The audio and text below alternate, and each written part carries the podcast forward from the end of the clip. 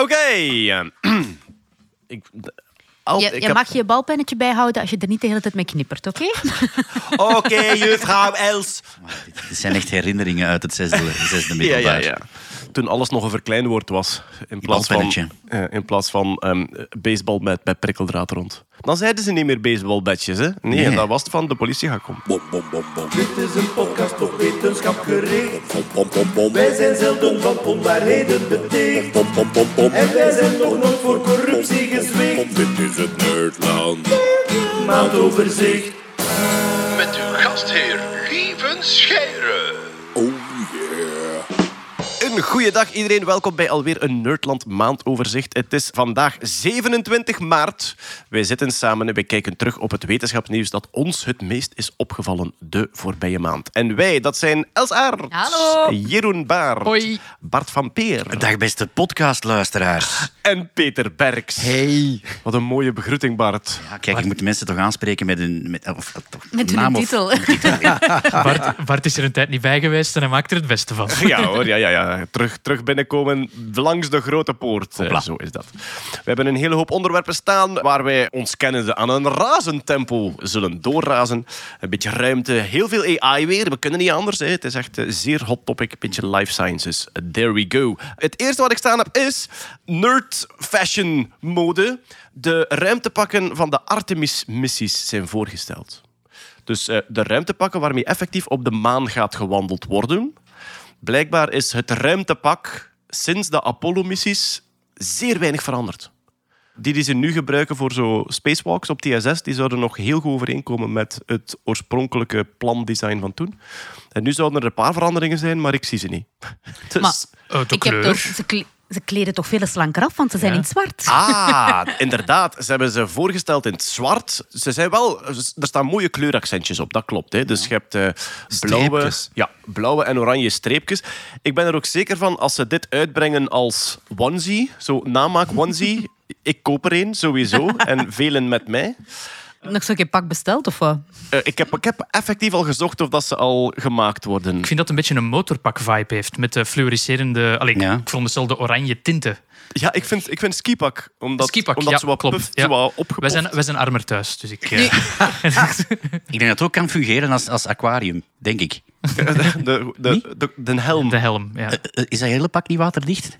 Uh, ja, sowieso. voilà. Ja, ja, ja, absoluut. Ja. Ja. Ja, Zeg maar wat ik wel dacht, dat is nu in het zwart. Ja. Hè, daarvoor was dat in het wit of zo oranje of zo. Ja. Ik dacht tegen een zwarte achtergrond van de grote nietsheid valde dan goed op als je Ah, wel, ik vroeg me een exact spacewalk gaat of zo, maar Van- in zwart Maar dan zijn je ze toch zo kwijt. Je moet je toch niet verstoppen voor iets? Of, eh? Nee, nee, maar ik dacht altijd dat elke parameter van zo'n van zo'n ruimtepak, dat daarover nagedacht was en dat er een soort van Ah, reden was waarom dat de vorige wit en Ja. oranje waren. Ik dacht zo, als ze in het ISS moeten Ja. een spacewalk doen, Ja. allee, zo, zo moeten dan dingen... En, en stel dat je loskomt of zo, ze zien je goed.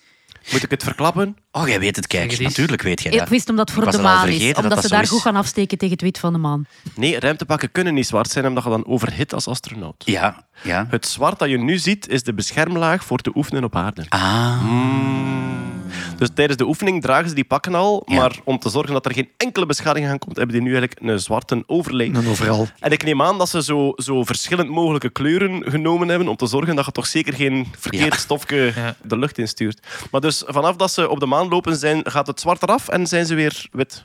En dat is jammer, want ze zijn mooier in zwart. Maar waarom stellen ze ze dan voor... Allee, dus je stelt dan je nieuwe pakken voor, maar je stelt die dan voor met de plastic er nog rond in feite. Ja, omdat de plastic er rond blijft tot als ze op de maan staan.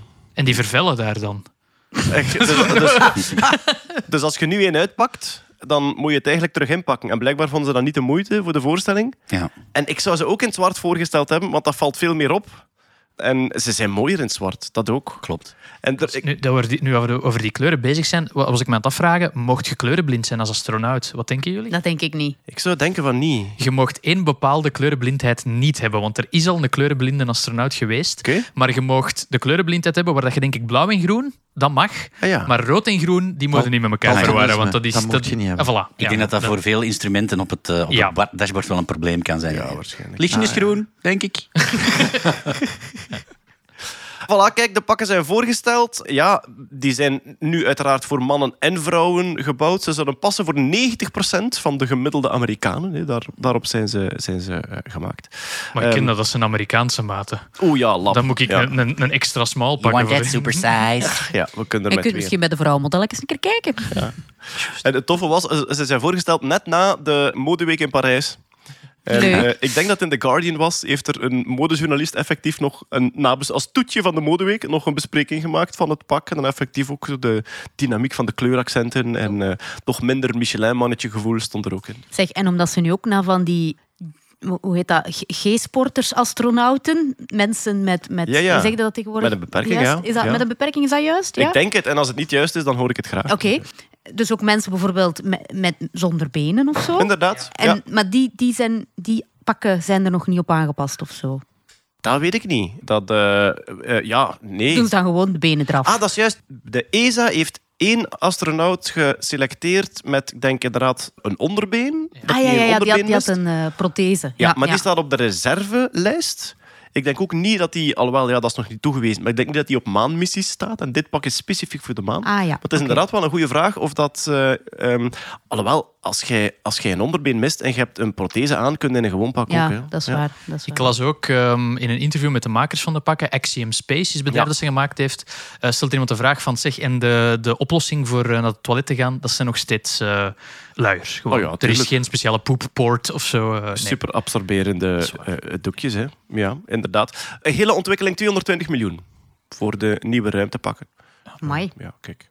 En ik wil dus een onesie, hè. Dus eh, iedereen, die, iedereen die goed kan naaien, begin er maar aan. En geen, en geen andere technische innovaties, gelijk achteruitkijkspiegels of zoiets? Of... Wel koplampen. Ah, Ja. Dus ja. bovenop de helm, bovenop de helm staan echt vier Twee lampen. Mickey Mouse lampen. Ja, het zijn er vier. Misschien net om dat oortjesgevoel. Of ja, om, om En bij de demonstratie ook, je kunt er gemakkelijker in hurken. Op, op een of andere manier was er tijdens de demonstratie veel nadruk Ah, ja, op hurken. Van als je in Omdat- je broek kakt, dat je toch al hurkend kunt doen Of dat er op de maan veel gaat moeten opgeraapt worden, ik weet het niet. Ja. Maar die koplampen, dat komt echt uit de film. Hè? Dat, komt, allee, dat zijn zo... De spacesuits in films hebben constant van die... Ja, ja, inderdaad. Gigantische koplampen. Ja, Pro- ja, ja, ja. uit Prometheus. Zeg, maar dat Ja. is ook gewoon omdat er nu ook voor vrouwen zijn. En dan kun je zeggen, hey, het is gewoon koplampen op uw, op uw pak. hè. Oh. Oh, jij moet al die moppen nog maken en wij niet meer. Dat is echt niet eerlijk. Ja, eh, voilà. Eh, mooie nieuwe ruimtepakken voorgesteld. We zetten de link in de show notes. En dat is podcast.nerdland.be. Nee, maandoverzicht. Wat, wat, Het, is alle, het is alle twee goed. Oké, pot- ja. Ruimtepak.nerdland.be Nerdland. Geocities. MSN. Je vindt ons op Alta Vista. Je kan tegenwoordig in de show notes op alle podcastplatformen gewoon doorklikken. Dus dat, eh, Nu nog beter. Weg uit de ruimte, over naar de aarde, namelijk de bijendans. Peter, we hebben eh, allemaal geleerd over de bijendans in Ja. de lagere school. Hè. Ja. Ik vind dat nog altijd iets ongelooflijk dat, dat een, een organisme dat in, in een collectief leeft, dat soort communicatie ontwikkeld heeft, evolutionair. Ik denk in het begin als dat ontdekt werd, dat dat ook eigenlijk niet geloofd werd, toch? Hè? De, de- Ja, Von Frisch heeft dat eh, ontdekt, heeft daar ook een Nobelprijs voor gehad. Maar dat was in het begin inderdaad een beetje gecontesteerd. Ja. leg het, leg Ja. het nog eens uit voor de mensen die niet zo hebben opgelet Wel, in de lagere ehm, school. Want ik, Bijen kunnen eigenlijk communiceren over waar eten te vinden is door een dansje te doen. En ze doen een dansje in de vorm van een acht. Nu, dus als je weet, een bijkast dat zijn verticale raten. Dus die bij loopt over die raten en die danst in een hoek ten opzichte van de zon om de richting aan te wijzen. En dus als ze in het midden van de acht komt, dan waggelt ze met haar achterste. aha. En de hoeveelheid en de tijd dat ze waggelt is een maat voor de afstand. Dus ze kunnen zowel de richting als de afstand van de voedselbron aangeven. En als ze dan daar geweest zijn, want ja, natuurlijk is dat een werkster die al ter plekke geweest is, die dan communiceert van daar ben ik geweest en daar is te vinden. Die heeft natuurlijk ook dan nectar of stuifmeel bij en die kan dus iedereen ook laten proeven. Dus iedereen weet dan van oké, dat is daar te vinden, zo ver in die richting, paf. Dat is met die dans uitgedrukt. Maar gewoon het algoritme, want dat is Ja, het ook. ja, hè? is het, ja. Dus je, komt, je komt als wezentje met een heel klein hersendingetje, hè, waar van sommige insecten is heel het connectoom al bekend. Kom je terug in die kast en dan is er iets in dat beest wat ervoor zorgt dat die een hoek met de grond maakt, gelijk aan de hoek met de zon van waar dat ze het gevonden heeft. En dan gaat kwispelen volgens hoe lang dat die gevlogen heeft. Allemaal onbewuste processen, want die hebben geen cognitief niveau van ik Ja, ga dit nu maar doen. daar gaat het nu juist om. Het is niet helemaal Ah. onbewust. Echt waar. Het is voor een deel aangeleerd. En het onderzoek gaat eigenlijk over dat het aanleren van een taal eigenlijk een sociaal gebeuren is. Dus bij ons, wij leren als kind de taal van onze ouders en de mensen die ons omgeven. Er zijn in de geschiedenis een paar bizarre experimenten gebeurd. Ik geloof zelfs in het artikel maken ze vermelding van dat Aristoteles vertelt over een bepaalde koning die twee kinderen vanaf de geboorte volledig afgezonderd heeft is van juist. enig geluid Ja. om te kijken, om te onderzoeken wat de oertaal van de mens is. Dat klinkt als Aristoteles. Ja, maar er is ergens ook in, de- in de renaissance-tijd zijn er ook een paar van die experimenten geweest Ja, toen- door een of andere koning of keizer. Hij had toen een van die kinderen ondergebracht bij een schapenkudde. Omdat hij dacht, daar kan hij geen menselijke invloed Ja. eh, hebben. En ik denk dat hij Grieks begon te spreken. En dat hij daarom besloten heeft, Grieks is de oertaal. Het zou kunnen. Ah. Dat de herder Grieks was, had verder geen invloed op het onderzoek volgens hem. De schapen waren ook Ja, voilà. Ja. Nee, maar daar gaat het juist over. En ze hebben dus gekeken van, ja, hoe zit dat nu eigenlijk met bijen? Want dat is ook een taal. Dus wat hebben ze nu gedaan? Ze hebben een aantal kolonies artificieel gemaakt. Ze hebben daar een heel jonge koningin in gezet. En ze hebben dan de werksters die erin wer- werden gezet, waren pas geboren. Dus op het moment dat die uit die cel kopen, hebben ze die eruit gepakt, ze hebben die gemarkeerd en ze hebben die in de andere kast gezet. Geen culturele invloed. Geen culturele, maar daar gaat het over. Geen culturele invloed, absoluut. Dus, en wat blijkt, de bijen die in zo'n naïeve kast noemen ze dan, die nooit een voorbeeld hebben gehad, maken wel een dans, maar die dans bevat heel veel fouten. Oké. En vooral de afstand. Dus het aantal waggelen, Ja. dus het aantal keer dat ze moeten waggelen, daar blijft een, daar blijft een heel grote missing in zitten. Allee. Ja, en ze hebben dat vergeleken ten opzichte van normale kolonies, waarbij dus een bij dan wel een voorbeeld heeft van een ervaren danser. Ja. En die doen het wel goed. Dus taal is ook bij insecten een sociaal gebeuren. Dus dat is ook een culturele overdracht. Oké. Gaat dat over. Prachtig. Dus Ja, ik vind dat fantastisch. wat die daar communiceren, dat dansje is een bijzin. Nee? Niemand? Toch Dat niet? is vooral heel bijzonder. In mijn hoofd staan er dan ook een hoop bijen rond die dat, als ze aan het afstandstuk komt, één voor één afvallen. Van, oh ja, dat is wel goed. En hoe ver is dat? Oh ja. Ja, weet je. Oh, ça va wel. Zo. Frank Gage, We gaan ergens anders. Ja, ja. ja, maar bijvoorbeeld, er is, ook een, er is ook een onderzoek gebeurd. Heel leuk boek trouwens, dat heet Honeybee Democracy. En dat gaat eigenlijk over het, eh, het moment dat die bijen zwermen. Die sturen ook verkenners uit voor een nieuwe plaats te gaan zoeken. En die plaatsen, waar dat, eh, de mogelijke plaatsen waar ze naartoe gaan, die worden ook door verkenners gedanst. En daar heb je er verschillende. Dus je krijgt er die naar alle kanten gaan. Daar komen daar bijvoorbeeld tien werksters die dan een dans uitvoeren. Die zeggen van kijk, daar is een plek zo ver die richting uit. En dat vermindert. En die krijgen dan, eh, hoe zal ik zeggen, die krijgen aanhangers. Die gaan ook uit, die gaan kijken, die dansen mee. En uiteindelijk wint de populairste. En daar gaan ze naartoe. Het is eigenlijk dat wij naar IMO-web zitten te kijken, zitten die, die bijen te kijken naar allemaal verkenners die terugkomen en Ja. die dansen mooie vrijstaande woning. Ik ga, ik ga wel... licht ja. op de frisse, licht op de Ik, frisse. ik, Dicht bij ik, het ik heb dat centrum. nooit Ja. doorgehad, maar dus eigenlijk... eh The Greatest Dancer, dat is een programma op met voedselaanwijzingen. Ja. Dus, ah, ja. Stijgt je interesse nu, Bart? ja, misschien ga ik nu wel eens kijken. Ja. Het is gedaan. Het is juist Ah, gedaan. Dat is juist voilà. finale. Niet, Ja. niet alleen met voedsel, maar dus ook met woning, hè, met eh, Ja. IMO. hè. Maar, want ik denk er nu net aan, inderdaad, die bijen kunnen cultuur doorgeven, omdat Ja. die meerdere seizoenen leven. Want een wespennest, een wespennest sterft volledig uit, Ja, dus die maar- kunnen geen cultuur doorgeven. Ja, dat klopt. Maar de bij zelf leeft maar zes weken. Hè. Oké, maar dus wacht. hè. Maar een, dus een is een wespennest... Ja, Begint eh, nu. Ja, dus begint nu, bestaat in de zomer. En in de winter zijn alle wespen dood, behalve de koninginnen van volgend jaar. Ja. Zijn er ook koninginnen die meerdere jaren leven, of is dat een nieuwke? Eh, er zijn een paar uitzonderingen als het redelijk eh, warm is. Ja. Dus bijvoorbeeld in Zuid-Europa zijn er een paar eh, waarnemingen geweest van een, van een nest dat twee jaar heeft bestaan. Oké, maar dus maar in België in principe, nee. één jaar. Hommels net hetzelfde. Hommels net hetzelfde. Alle hommels dood in de winter, alleen die koninginnetjes overwinteren en die beginnen een nieuw nest. En dat is, ik denk, Ik denk dat ik mijn eerste doodge... Niet verdrietig om worden, lieve. Eh, Ik, ik denk dat ik mijn eerste ehm, doodgepoepte manneke gevonden heb. Eh, kan dat nu al? Of is het te vroeg? Is het echt? Ik heb, Dat is een dode, vorig jaar. ik heb een dode hommel zien liggen op de straatje. Misschien was die gewoon Ah, maar dat is waarschijnlijk een koningin die, Ah, ja, eh, die het niet gehaald heeft. Ah, want dus de koninginnen die... eh, Nog de koninginnen die maken dan een nestje. En wanneer worden die bevruchte koninginnen? Dat is in de zomer. Hè. Ah ja, oké. En dus die mannetjes hebben maar één taak. Dat is hoog in de lucht vliegen, koningin bevruchten en dan ontploffen, sterven en op de grond Ja. Maar als die allemaal dood zijn, moet hij dan eerst zelf mannetjes maken, eer dat er mannetjes zijn om met te paren? Ah ja, van waar komen de mannetjes? Uit, Hela. uit de vroege nest. Maar nee, op, op top van, van, eh, van de ontwikkeling, dus dat is midden in de zomer, gaat de koningin, en dat heb je bij mieren, wespen en bijen, daar is het alle onbevruchte eieren worden mannen, alle bevruchte eieren worden vrouwen. Oké. Dus die koningin gaat in de zomer een deel onbevruchte eieren leggen en die heeft dus zonen en dochters. Ja. En die vliegen uit, maar die zonen paren dan met eh, koninginnen van een ander nest. In Ja, de zomer. In de zomer, ja. Dus En- die gaan ah. nu een nestje maken, maar die zijn eigenlijk al vorige zomer bevrucht. Ja. Ja. En dus, ja, ja. En dus eh, de nieuwe dochter wordt bevrucht op het einde van de zomer, overwintert Ja. bevrucht, terwijl Ja. het manneke dood is. Ja. Maar dus in de winter leven er enkel vrouwelijke hommels in ons land. Want alle Ja, mannetjes zijn slapende dood. vrouwelijke hommels. Slapende vrouwelijke, bevruchte Ja. koninginnen, adellijke hommels. Ja, en hetzelfde geldt voor de wespen dan. Ah ja, voilà. Maar dus, die bijen, want daar waren we over bezig, omdat dat nest blijft bestaan, Ja, kunnen die nest- kennis doorgeven. Heb je een overlap? Dat ah, klopt. ja, ja, ja. Een wesp kan geen kennis doorgeven, want iedereen is dood.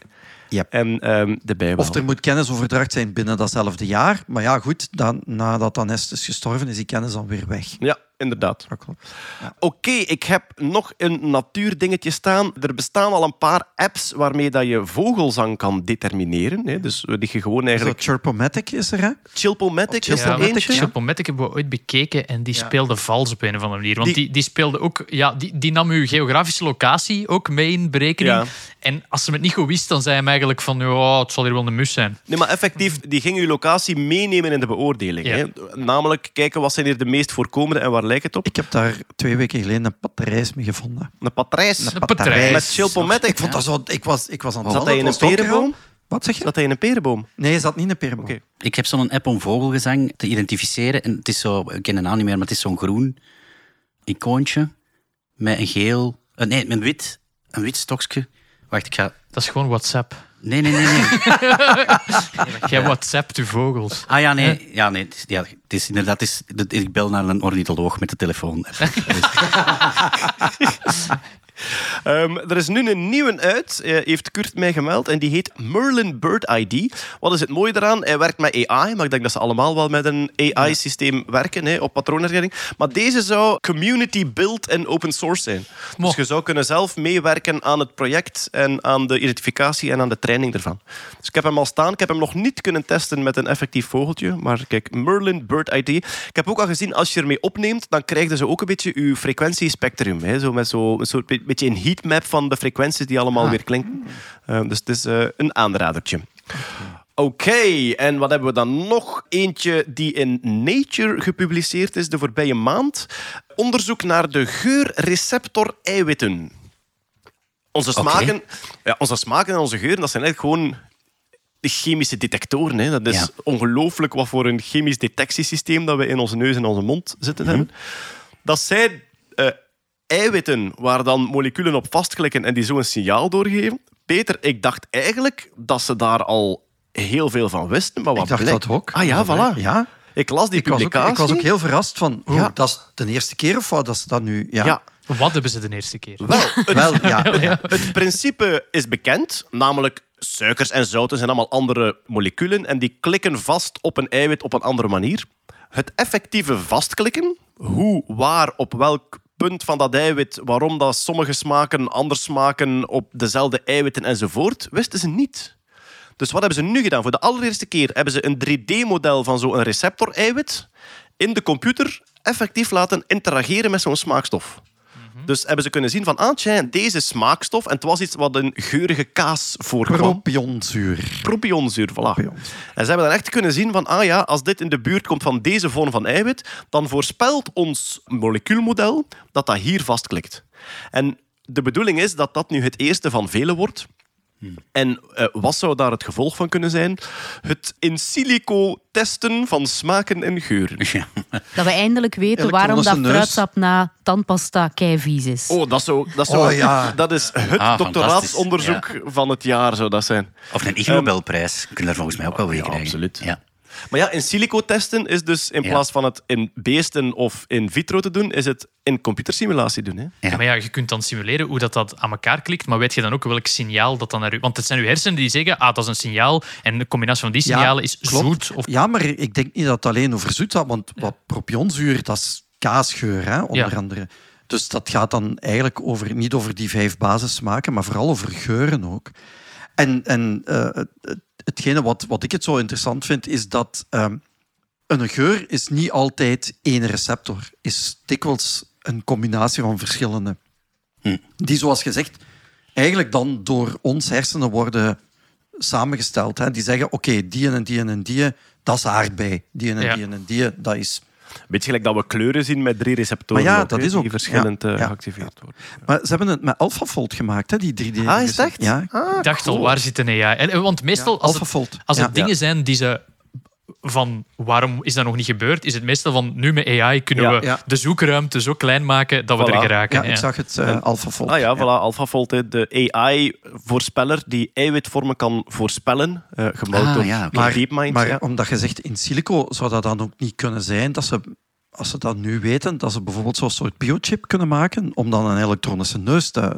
Daar wordt ook al lang van gesproken. Daar dat zijn ze al heel lang mee bezig, Dat je die eiwitten zou kunnen namaken. Ja, Eh, maar dat zou dan stond- nu kunnen. Ja, dan in het artikel stond daar niet echt Nee, ik weet over. het niet. Het is gewoon een idee dat ik nu denk... Ja, als je, de, als je de taal decodeert van gewoon aromatiek, hè, dus de vorm Ja, van moleculen, ja, naar, naar welk elektrisch signaal dat, dat gaat opleveren, Ja. dan is dat toekomstmuziek. Hè? En wel, ja, een beetje zoals dat je met RGB-pixels Ja, voilà. alle kleuren kunt maken. Een keer dat je snapt hoe dat het oog werkt, Hm. dat je inderdaad ergens zo Ja. allerlei geuren... Maar- Wat, wat dat ze zeiden in het artikel was dat ze een computer gewoon door heel veel bekende of nieuwe moleculen wilden laten gaan en zelf laten testen hoe zou dit smaken voor de mens? En daar zijn we heel ver af, want ze hebben nu nog maar eentje eh, ge- Ja. gedecodeerd. Maar dat is hun bedoeling. Dat de elektronische tong bestaat en dat je daar elektronische smaakstoffen op loslaat en dat hij zegt, je moet dat een keer maken. Super lekker. Hier gaan ze niet meer kunnen lachen in de laboratoire Garnier, dat kan ik u zeggen. Dat zijn geen dingen die je mocht opeten. Hè. Dat is voor op je gezicht ja, te smeren en in je haar. Of te ruiken ook, ja. Want je bent het waard. Hè. Het wordt aanbevolen door een man in een, in een witte jas, dus ik geloof alles. Absoluut. Dat is sowieso. 9 van de 10 van witte Nee, jasmannen. 9 van de 10 van de man, ja.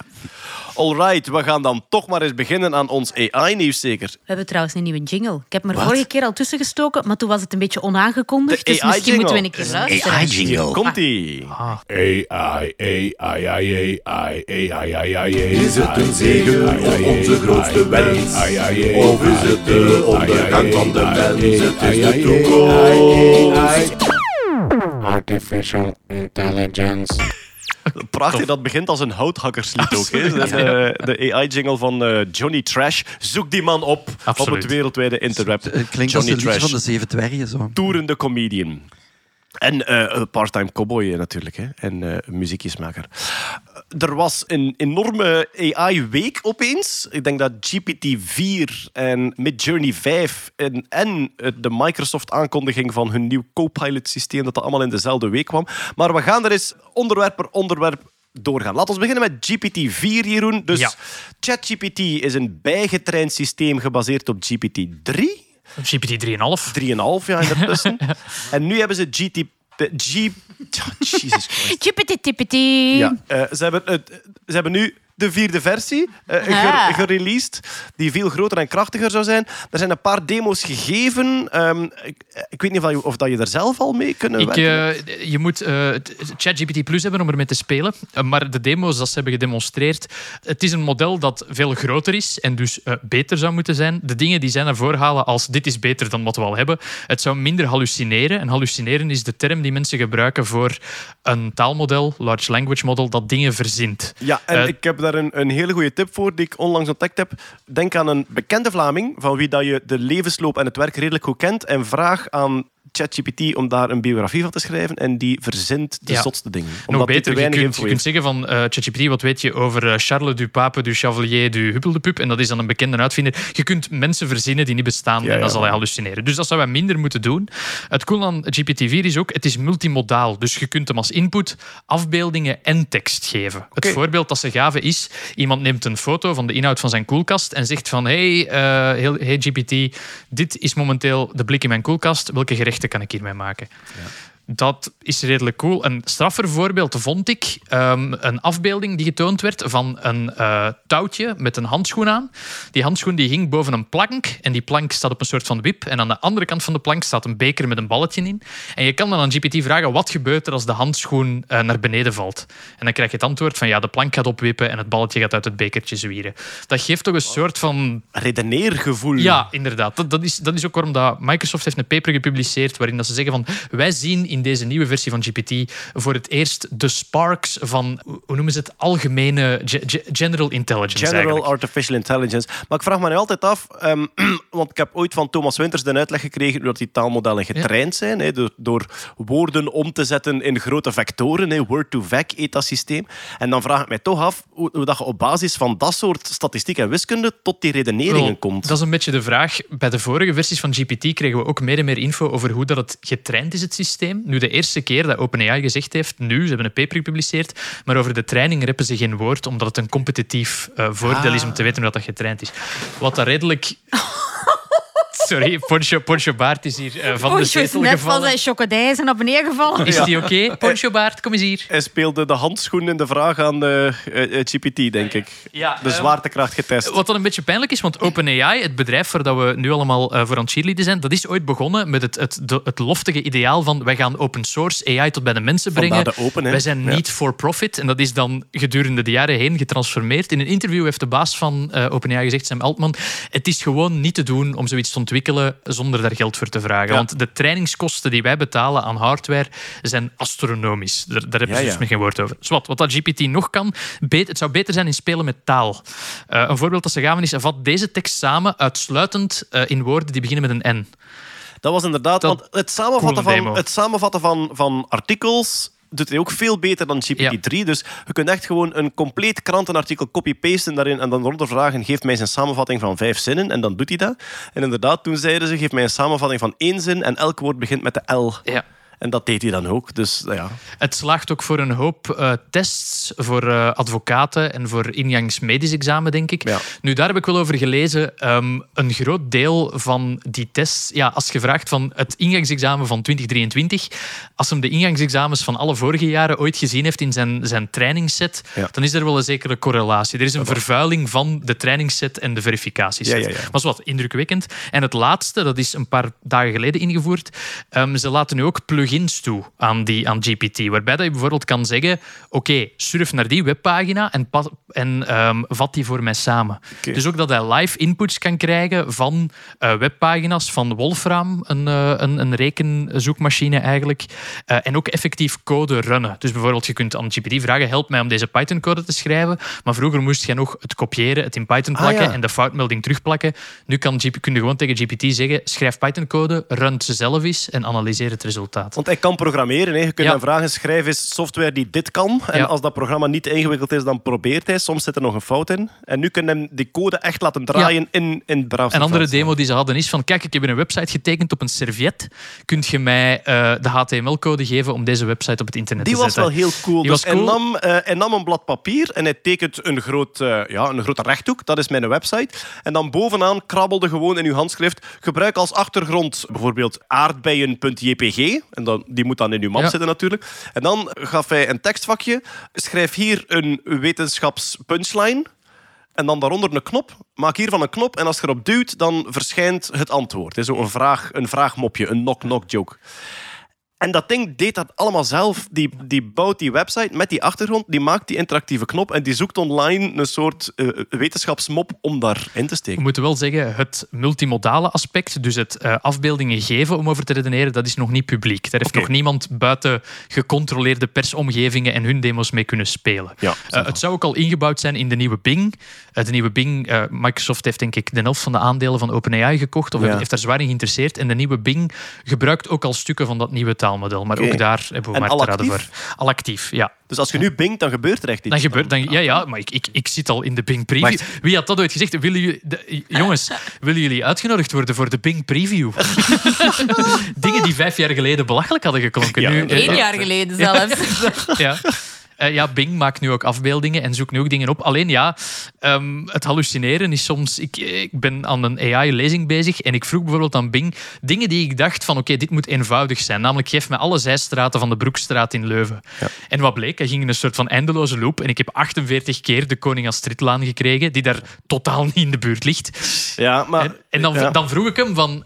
Ja, kunt je, je mag nog eens proberen van mij en ik kan, u al, ik kan u al meegeven, de Koning Astridlaan is geen juist antwoord. En dan dacht hij heel lang na en was het van, nee, ik kan dit niet. Maar ik heb goed nieuws. De Koning Astridlaan zit er alvast niet bij. Ah, bedankt, Bing, bedankt. No shit, Sherlock. Ja.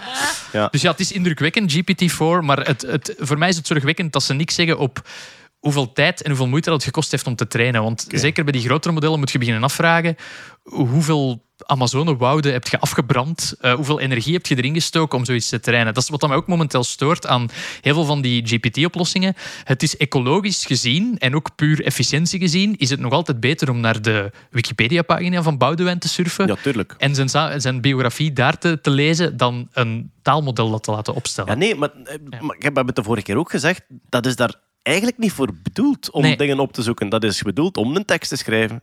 Da- daar is het op getraind. Grammaticaal juiste tekst. Dus als jij zegt...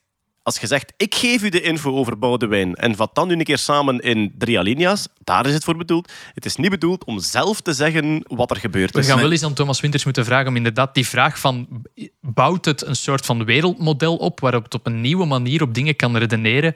Dat is nog een vraag die in het midden ligt. En waar dat er, er zijn verschillende artikels deze maand geweest die zeiden van ja, kijk, dit is meer dan een stochastische... eh, Stochastische stochastische dat is de naam, de naam die Eh, gegeven wordt. Dit is hè. meer dan dat. En ik volg daar ook wel ergens in. Maar de, ja, ik, ik kan er zelf ook nog niet zo goed over redeneren. over Maar het zien. is dat ik... Dus ik, ik weet dit ook allemaal. En toch had ik onlangs de reflex om aan ChatGPT iets te vragen toen ik iets wou opzoeken.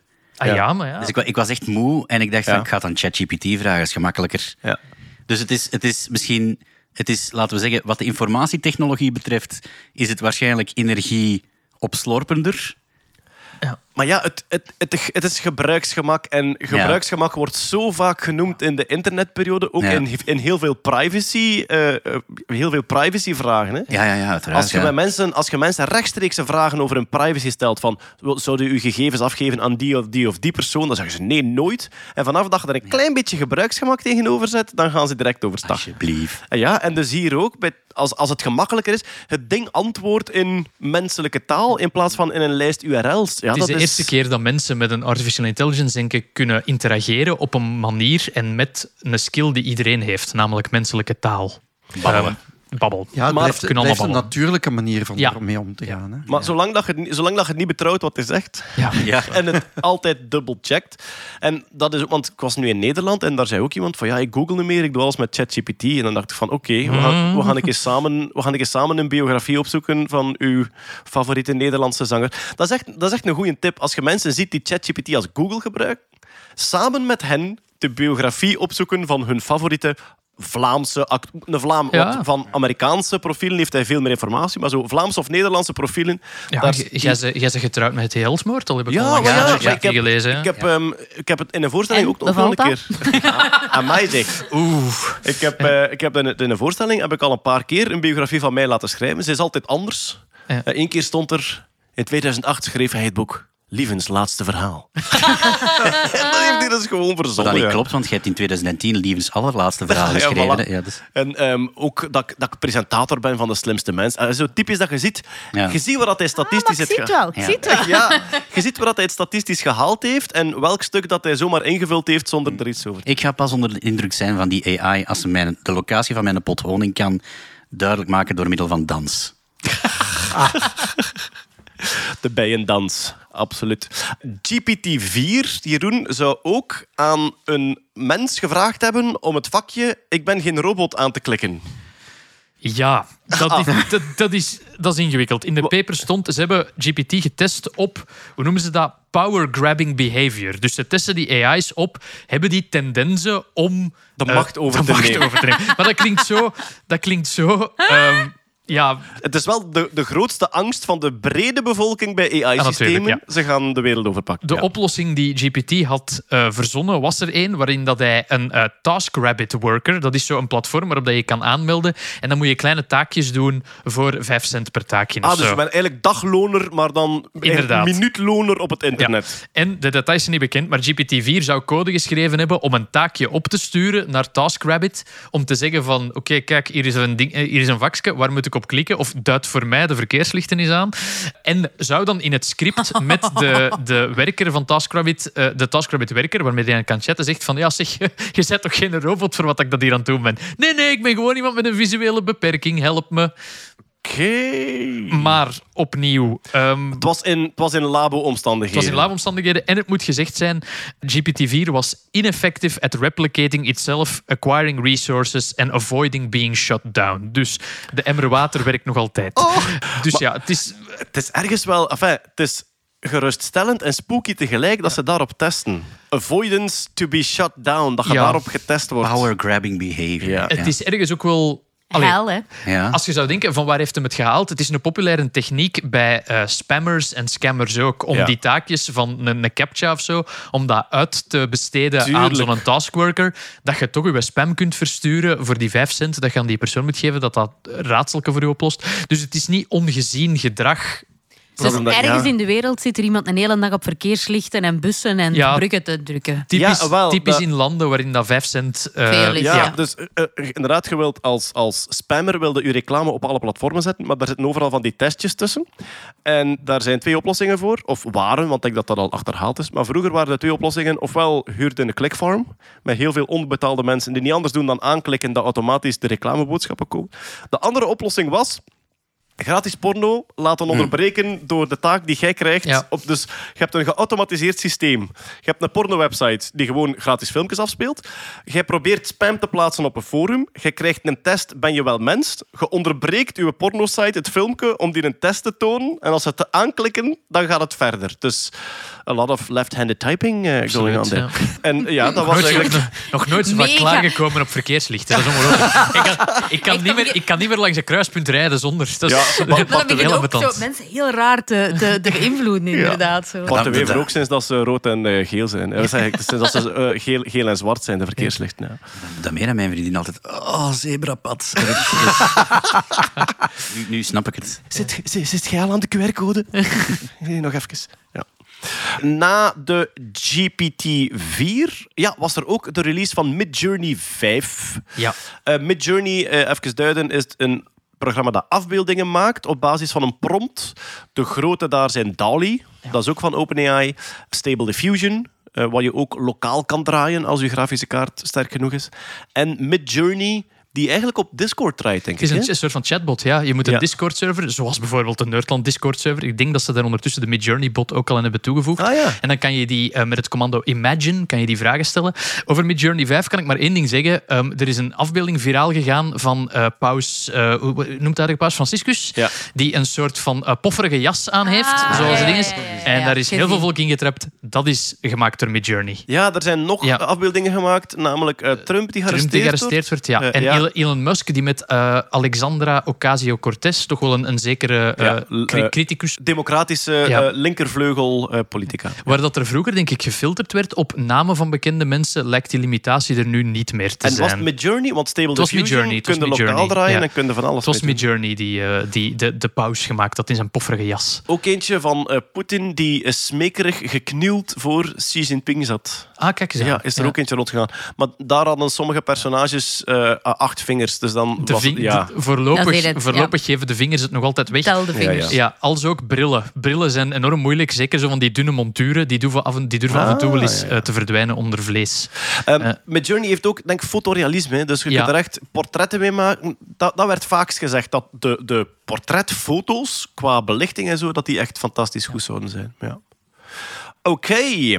Ehm, van, van, van wat gaat met Journey eigenlijk uit? Is dat ook een bedrijf? Of een, Dat is een eh, goede vraag. Ik denk dat er ook zo'n soort van OpenAI-achtig bedrijf zal zijn. Er Nou, is wel degelijk een verdienmodel achter. Ja. was, dat, was, dat, was dat die CEO die in beeld kwam bij dat filmpje van, Van John Oliver? Ja. Ja. Ja, ja, ja. de, End Boss of Gentrification? ja, ja, ja, ja. Midjourney ligt ook onder vuur omdat ze hun model getraind hebben op afbeeldingen van het hele internet. En dat er daar dus een probleem is met... Ja, eh, ja, met de rechten van de, van de illustratoren, inderdaad. Check, Ehm, check, ja.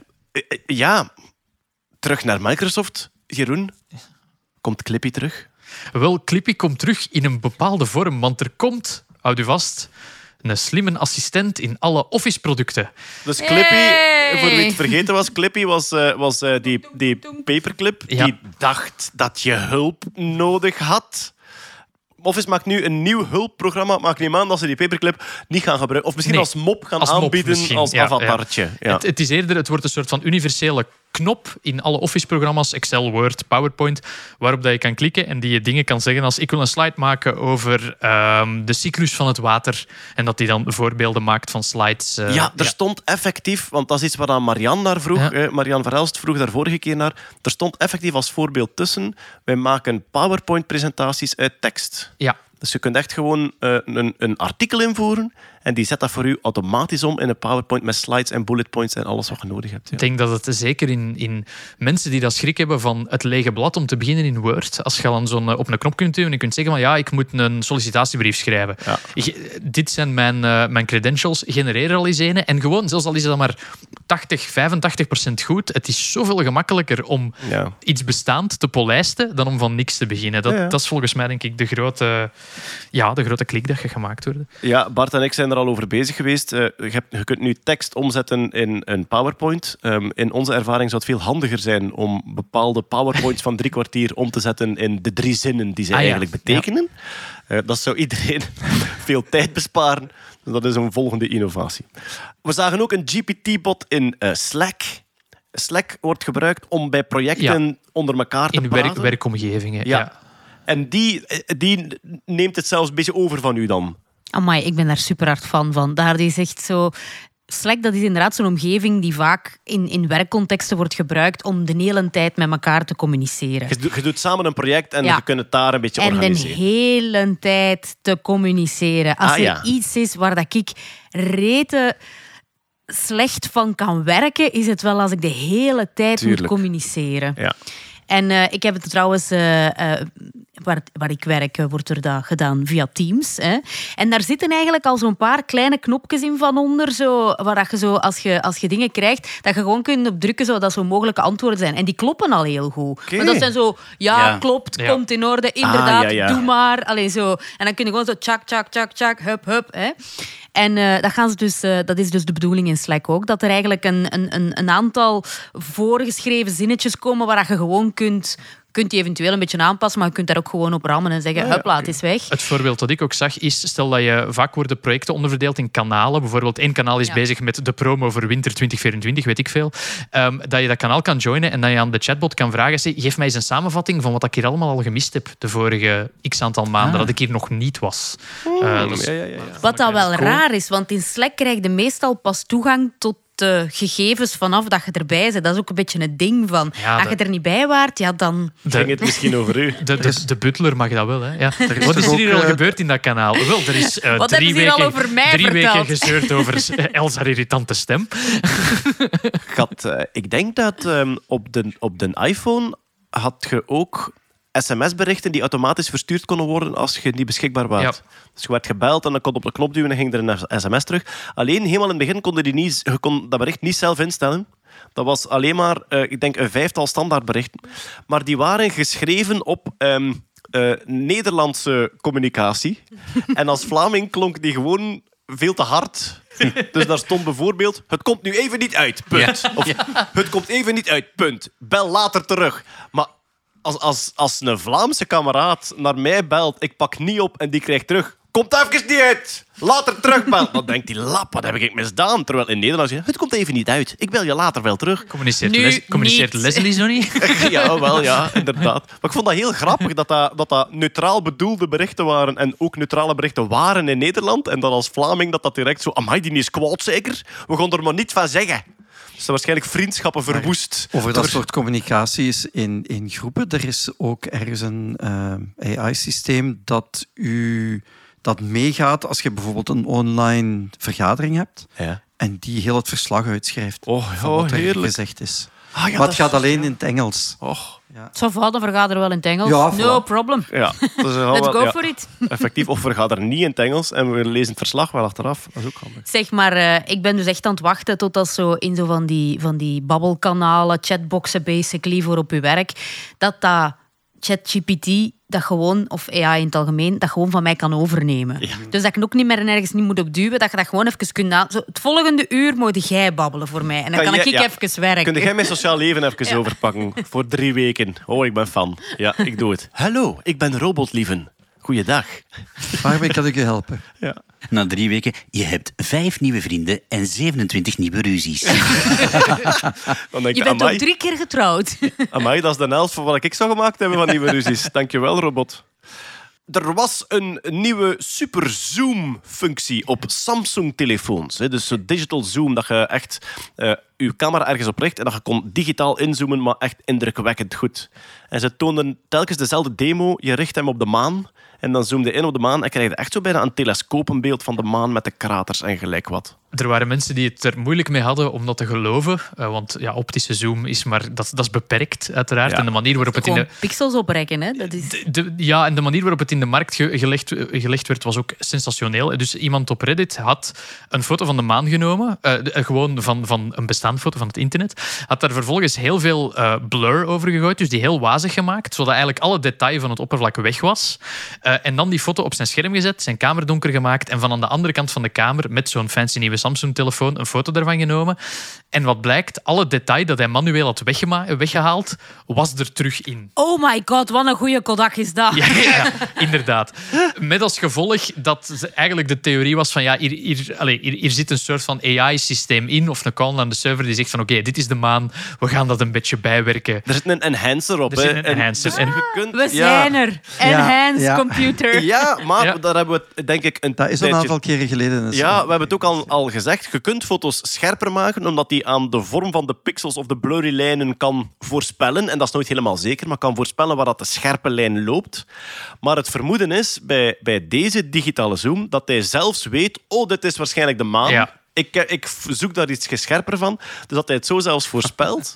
en een voorbeeld wat dat vaak ook gegeven werd bij de artikels daarover was, dat eh, Xerox kopieermachines, die hebben dat een paar jaar geleden ook gehad met een compressor. Een softwarecompressor. Ah ja. Dus als je een document inscant en daar staan een paar keer dezelfde dingen op, ja, compressie, ook bij muziek, werkt heel vaak op. We zien hetzelfde patroon, we gaan dat maar één keer opslaan en verwijzen dat dat daar terugkomt. En wat bleek, als je bijvoorbeeld een architectenplan ingescand had met, verschillende, pla- met, met zo verschillende vlakken op en daar stond een schaal onder, maar die was heel klein geprint, Ah, shit. dat hij gewoon overal dezelfde schaal zet. Omdat hij dacht van, ah, dat vakje ken ik, dat zal dat wel zijn. en dus al uw, al uw modellen, zowel 1 op 20, 1 op 100 als 1 op 1000, stond allemaal 1 op 100 onder. Hadden al die labeltjes veranderd. Over Dus compressie ges- gesproken, eh, Jacob Ziff en eh naam ontbreekt me Lempel, de Ziff Lempel, die hebben basically eh, de, het, het compressie uitgevonden die aan de basis van zip ligt. Die zijn de, de voorbije maand gestorven, alle twee. Oké. Eh, ja. Ze zullen op hun begrafenis onder een soort van gigantische bankschroef gedraaid worden om eh, minder plaats in te nemen op het kerkhof. Ja. Dat die dat juist samengezipt zijn. Ja, dat klopt. Ja, die zijn op, met drie weken verschil van Op die, op die steen ook zo grafreden.zip. Ja. Zo, omdat je over compressie praten, dacht ik van... Het zou toch niet, het zou toch niet zijn dat de, dat de gratis testperiode voorbij is? Ah. Dat ze daarom al twee overleden zijn. Oh, nee. Oh, oei. Kijk, ja. Wat hebben we nog staan? De Italiaanse dubbers, de Italiaanse stemacteurs die films dubben, gaan staken. Tegen AI. La la la la la la. Ja, de staking is in het Engels ook. Ja. Ehm, dus ja, in, in Italië en in nog andere landen waar ze graag willen dat hun kindjes geen talen leren, ehm, worden films gedubt. Hè, dus gewoon eh, ingesproken door acteurs. Eh, blijkbaar, ik wist dat niet, blijkbaar heeft elke Hollywood-acteur één vaste dubber. Echt? Ja, dus dus ja. als, als jij in Italië de stem van Timothy Chalamet bent, dan zijt jij tot in de eeuwigheid Ja, ja. de stem Dus van dat is ook echt als, als jonge stemacteur echt in je chip zetten Ja, op, ja. op, ja. op die Ja. gaat het worden. Er zijn, wel, er zijn wel soms verschillende acteurs die een Tuurlijk. stem delen. Ah, delen. Ja, ja, ja. Ah, dat wist ik niet. ja, ja dus dat Dus Angelina Jolie heeft er misschien zo drie of zo. Ah, nee, nee, ik bedoel omgekeerd. omgekeerd. Dus dat, dat inderdaad dat eh, Robert De Niro en Al Pacino bijvoorbeeld dezelfde Ja, stem zo. hebben. Oh ja, maar dat zijn dezelfde mensen, hè. Je zegt het ze nooit als je ze tegenkomt. En ja, die zijn nu heel bang van AI. Nu, blijkbaar is hun werkdruk ook enorm verhoogd de voorbije 10, 15 jaar. En wie tv en film een beetje kent, die gaat dat snappen. Er moet enorm veel geproduceerd worden om al die scheidszenders vol te kakken. En als... De, als ah, ja, daar gaan we. En, Maar, maar zoveel nuance, lieve. en, en, en als de Geen, zenders... geen sponsor. En als de zenders dan denken van... Oh nee, we hebben problemen, er kijken te weinig mensen naar ons programma. Oh, anders maken we een zender bij. Natuurlijk, Natuurlijk dat, dat, gaat alles oplossen. Dus in Italië moeten die stemacteurs ook al die kakzenders vol dubben. Daarmee hebben die veel te hoge werkdruk, eh, ze worden te weinig betaald. En wat is nu de, laten we zeggen, immense druppel die de emmer heeft doen overlopen? Dat er in hun contracten staat dat ze de rechten op hun stemgeluid afstaan aan de studio. Oh, nee. Waardoor dat die met AI zouden kunnen zeggen: Dankjewel om de, om de stem van Timothy Chalamet geweest te zijn. We'll take it from here. Is het niet, maar dat moeten we misschien even factchecken, maar is het niet Keanu Reeves die dat allemaal al ehm, heel juist in kannen en kruiken heeft laten gieten? Omdat die, hè, die zit dan in, eh hoe heet het, eh, Cyber... John Wick en ah, ja, Cyberpunk 2077. Ja, eh, Keanu Reeves heeft voorbije maand een interview gegeven waarin hij heel futuristische voorspellingen deed die, die, Ja. die al waar zijn gekomen. Inderdaad, onder andere over die Ja. AI-stem. Die heeft, die heeft zijn, laten we zeggen, zijn ehm, virtuele identiteit al op allerlei manieren laten beschermen, dacht ik. En wat de moeilijkheid is, al die, al die manieren om te beschermen, dat is allemaal juridisch nieuw. Hè? Er is niemand die weet of dat jij auteursrecht op je stemgeluid hebt, op je stemtimbre. En als je effectief auteursrecht hebt op je stemtimbre, mag een imitator u dan nog imiteren of niet? Of ga je het enkel beschermen als het computer gegenereerd is, getraind op uw echte stem? En dus dat is allemaal juridisch zo nieuw en zo moeilijk, dat een keer dat daar de eerste rechtszaken van komen, gaat dat volgens mij een soort... Ja, maar dat is queen you crazy. Allee, ik vond het al heel erg als je zoiets hebt van inderdaad zo in de stijl van bepaalde illustratoren of zo. Hè. Ja. Uw, uw stijl of uw werk is niet meer van u. Maar als uw stem zelfs niet meer van u is... dat ze uw timbre mogen gebruiken en uw intonatie en gelijk wat.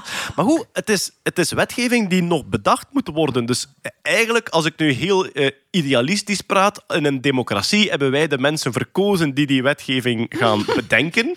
Dus ligt het eigenlijk in onze handen. Voilà, we hebben een thema voor 2024.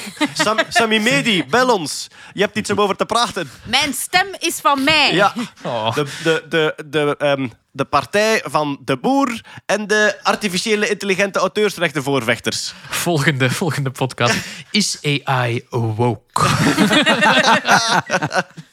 Zeg maar wat ik ook wel denk, zo, dat zijn nu de Italiaanse dubbers, maar dat gaat niet lang duren dat die moeten staken. Hè? Want bijvoorbeeld zo gelijk eh, heel wat Hollywood-acteurs zijn hun stem, zeker de ouderen, zijn hun stem aan het digitaliseren, aan het, aan het synthetiseren. Zo Val Kilmer die keelkanker Ja, heeft ja. en zo van die toestanden. Ik denk Bruce Willis dat hij dat ook heeft gedaan als hij Eh, begon een Bruce beetje... Willis was gebeurd missen. zonder zijn toestemming. Dat, Ah. was, dat, was, dat was de kwakkel. Die, er was een bedrijf dat dat gedaan had en het was duidelijk dat dat niet mocht Ja. volgens het contract. Maar, maar het kan. Ah ja, ah ja, maar het is nu wel handig, want hij Ja. kan niet meer praten. En ik denk dat bij Val Kilmer ook te laat was, hè, dus die heeft een nieuwe stem, denk ik. Nee, ze hebben, ze hebben geloof ik een synthetische stem gemaakt van oude opnames. Ah, toch? Omdat die Ja, ja, ja. nu helemaal heel raar klinkt. Ah, ja. En dat ze dan... Ja. Maar dus, kunnen die stemmen dan ook niet gewoon doen Italiaans en Frans praten met hun eigen stem? Af- absoluut. En dat is, dat, is, dat is ook wat nu voorspeld wordt.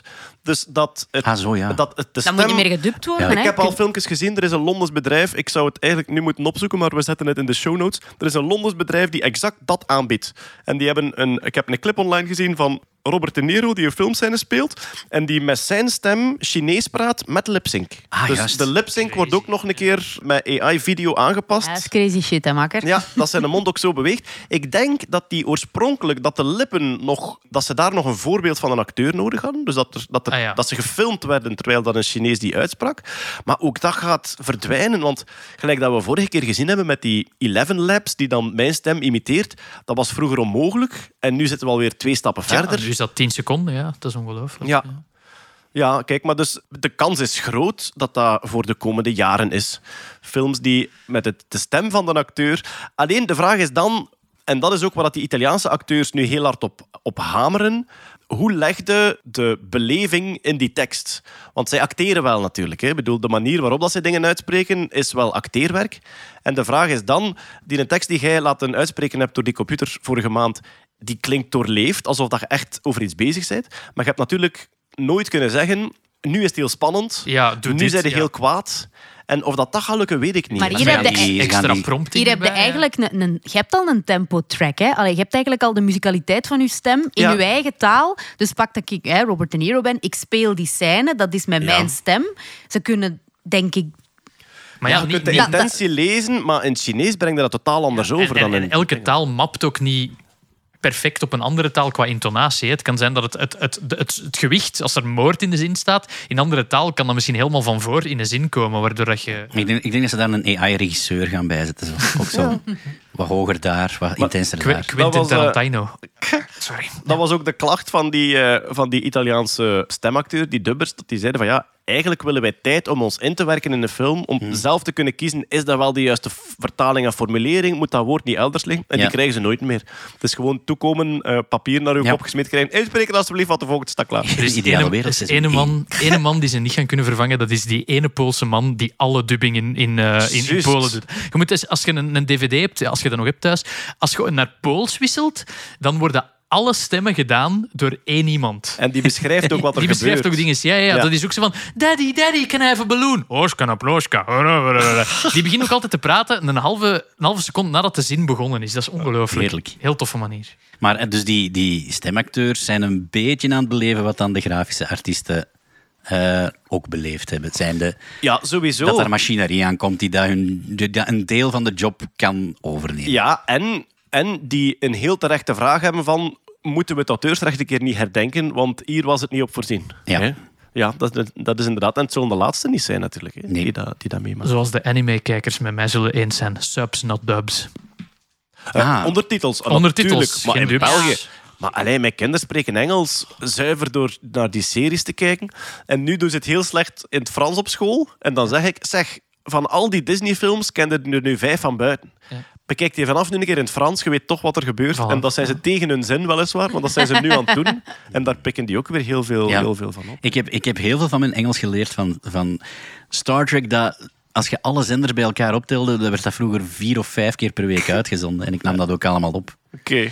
En een deel met Nederlandse ondertitels en dan op de BBC met Engelse ondertitels. Ja, Dat- zo- ik, ik heb dus- ook zo Engels geleerd, maar nu, onze kinderen die kijken alleen maar naar streamingdiensten en dat is allemaal in fucking Nederlands gesproken. Hè? Ja, maar ze, ja, je kunt ze ook nog in het Engels zeggen. Ja, ja, Ja. ik weet het, maar zo, je moet een keer een kleuter proberen. Nee, nee, nee, Dora spreekt eigenlijk geen Nederlands. Dora nee, spreekt maar- eigenlijk Zo hadden we Engels. dat met die, met die dvd's van Barbie. En dan speelde mijn dochter en haar vriendinnetje. En dat was echt op, echt op zijn Hollands. Bij ons met, ook. eh, Bij ons. Ons, onze dochter zat, zat met Barbies te spelen. Barbie. Kom, we gaan samen naar de winkel. Oh nee, kijk daar. Er komt een groot beest aan. En ik vraag, ze, wat zijn die aan het doen? Maar papa, ze spreken Engels tegen elkaar.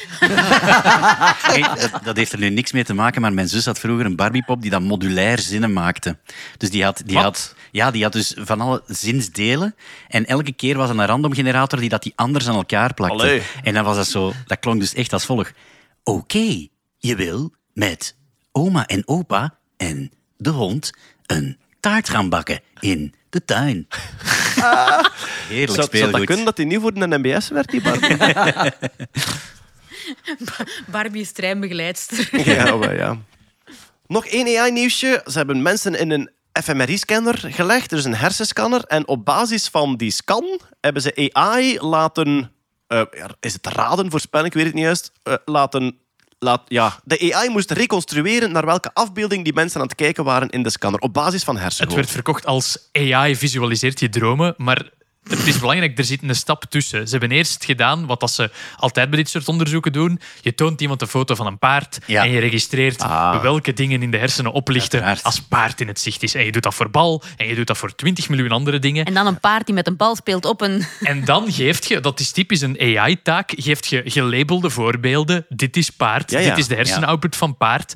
Leer, leer nieuwe outputs herkennen. Ja. En dat hebben ze nu getraind met een AI-systeem. Maar dat gebeurde vroeger ook al. Maar Maar de afbeelding die ze zagen in de scanner, was dat een die ze al letterlijk gezien hadden op voorhand bij treinen? Nee, dat was het bijvoorbeeld eh, als je een paard gezien hebt en je zag nu een paard met een mannetje op, dan gaf die AI een soort van hybride paard-mannetje output. Dus die, die zag die twee gebieden actief. Voilà. En in plaats van, want dat is misschien ook wel belangrijk, in plaats van dat hij echt de exacte afbeelding daaruit zuigt, zuigt hij eigenlijk een prompt. Hè. Die geeft, Voilà. een, die geeft Ja. een prompt aan Stable Diffusion en die zegt: maak hier eens iets van, paard, paardman-ding. Ja. Ik, ik zie aan deze hersenoplichtende dingen in mijn leerproces heb ik gezien dat dit een beetje paard is, dit is een beetje man, dit is een beetje bal. Ja. Dus eh Midjourney, eh, je hebt balman-paard, maak er iets van. Dus het was heel sensationeel, maar het is eigenlijk niks nieuws. Ja, want als ik, als ik het goed had, ik denk toch dat het dat onderzoek was, hè, werd ook de, een, eh, een, eh, het, het linguïstische deel van de hersenen in de oog gehouden. Dus dat werd mee in de training genomen. En dan werd eigenlijk de, dus de uiteindelijke generatie, de afbeelding die gemaakt werd, hè, met, met Midjourney of met Stable Diffusion of weet ik veel wat, die, die maakten ze nog eens opnieuw met een taalcorrectie, met die info van dat taallabel. En Ja. dan werd dat plots, dan zag dat er plots heel goed uit. Maar dan heb je al twee Voilà, ja. verschillende trainingen die samenwerken. Dus het was. Het, Ja. Er zit twee keer gelabelde training tussen Ja. en dat moet je wel vermelden in je krantenkop en niet AI leest Dat hersenen. worden wel heel lange krantenkoppen dan. Ja, ja, plus ook, het is per persoon getraind. Hè. Mijn hersenoutput op het woord paard is niet hetzelfde sowieso als uw helemaal anders Ja, dan ja. die van mij. Pretty fucked up. Nee, nee, ja, maar dat, dat, dus je moet dat per persoon trainen ook. Zie je eh. ook zo eh, dit soort gedachten lezen niet direct in een James Bond film voorkomen. Mr. Bond, we have ways to read your minds. Please look at this 100 example images while the scanner is running. Yes, Why do you want me to do this? Yes. Oh, this is just calibrating the technology. It's very interesting. It's a hot air balloon, please. Watch 20 seconds. Yes. Look at the horse! So while, do, while I do this, can you please explain your evil master plan to me? Ah, because you will die anyway, I shall explain the plot in very much detail. We have plenty of time. Alright, we zijn door het AI-nieuws voor vandaag. Hoera! Terug naar de natuur. Peter, naar de mieren. Jouw favoriete beestjes. Ja. En wat is nu ontdekt? Fraude. Sommige mieren zijn fraudeur bij geboorte. Wat blief. Ja. Niet te helpen, geboren oplichters. Ja. Waalse mieren. Oh, rode mieren. Rode mieren. Ja. Vrouwelijke mieren. Sowieso. Ja, Ah. maar het is, het, is, eh, het is een beetje ingewikkelder dan dat. Het is Allee, niet zo, ja. Het gaat eigenlijk, het gaat eigenlijk eh, dat ze ontdekt hebben dat ehm, er zijn een aantal soorten mieren die parasiet zijn. Dus die parasiteren op een ander. Op, een een an- ander soort mier. Op een andere Dus- mier. De en- diefmieren onder andere. Ja, nee, dat is niet heel. Dat zijn, dat zijn niet echt parasieten. Je hebt echte sociaal parasieten, dus dat zijn die enkel en alleen mannetjes en koninginnen produceren, maar geen werksters. Ah ja, oké, ik ben mee. Dus de Ja. diefmier zal ik dan eh eventjes vermelden. Ehm, eh, eh, ja, ik omschrijf het meestal als een mierennest. In kan, een mierennest. kan last hebben van mieren. Ah. Dus er bestaan kleinere miertjes, diefmieren, en die bouwen een mierennest in de muren van een mierennest. En die gaan gewoon een eten gaan pikken. Ja. En dan kun je roepen naar die, naar die grotere mieren. Nu ziet u hoe dat voelt. Spoeft. Ehm, ehm, maar de parasitaire mieren, waar dat jij over spreekt, die nemen gewoon een nest over. Dus er, een, Ja, an- een andere soort, koekoeksmieren, hè? een andere soort heeft werksters gemaakt en die Ja. komen gewoon koningin dood, ik ben de baas nu. Ja. En die produceren dan geen werksters, maar alleen maar nieuwe koninginnen en mannetjes. Allee. Ja. Oké. En ze hebben zich altijd afgevraagd hoe dat komt. En eh, ook eh, mijn, eh, mijn grote idool Wilson heeft daar in, in de jaren zeventig ook een heel eh, studie naar gedaan. En die was tot de conclusie gekomen dat je eigenlijk, om uiteindelijk te, te worden als wat ze noemen een obligate parasiet, dus een die niet anders kan leven dan parasitair, Meneer de rechter. Meneer- dat je eerst een facultatieve parasiet moet zijn. Dat je dus nog dat die soort stilletjes aan evolueert van eerst facultatief dan naar obligaat. En wat is facultatief? Dat Dus je kunt kunt, kiezen. je kunt wel zonder, maar je- je- het is Ja. gemakkelijker met Ja. fraude. Ja. Ja. De Vlaming eigenlijk. Ja, dat is echt iemand die dat zo wegzakt in het steunsysteem. Zo. voilà. En, ehm, en men heeft altijd zitten denken van, ja, oké, hoe wordt dat genetisch dan aangestuurd? En ze vermoeden Ah. nu dat ze het gevonden, allee, een deel van die puzzel hebben kunnen leggen. Er zou een soort supergen zijn dat ervoor zorgt dat die, ehm, dat die koninginnen eigenlijk een parasiet worden. Of dat die mieren parasitair worden. Maar hebben we het dan e- ehm, evolutionair? Ja. Dus dat, dat die ergens, ergens in de evolutie overgeschakeld zijn naar... Vroeger kon ik nog zonder fraude, maar vanaf nu moet ik het doen. Moet ik, ik kan niet anders. Ja, ja, ja. En dat zou genetisch gestuurd zijn. En wat, eh, waar hebben ze dat nu gevonden? Ze hebben dat gevonden bij een heel speciale soort mieren. Dat zijn de clonal radar ants. Dus dat zijn een soort trekmieren.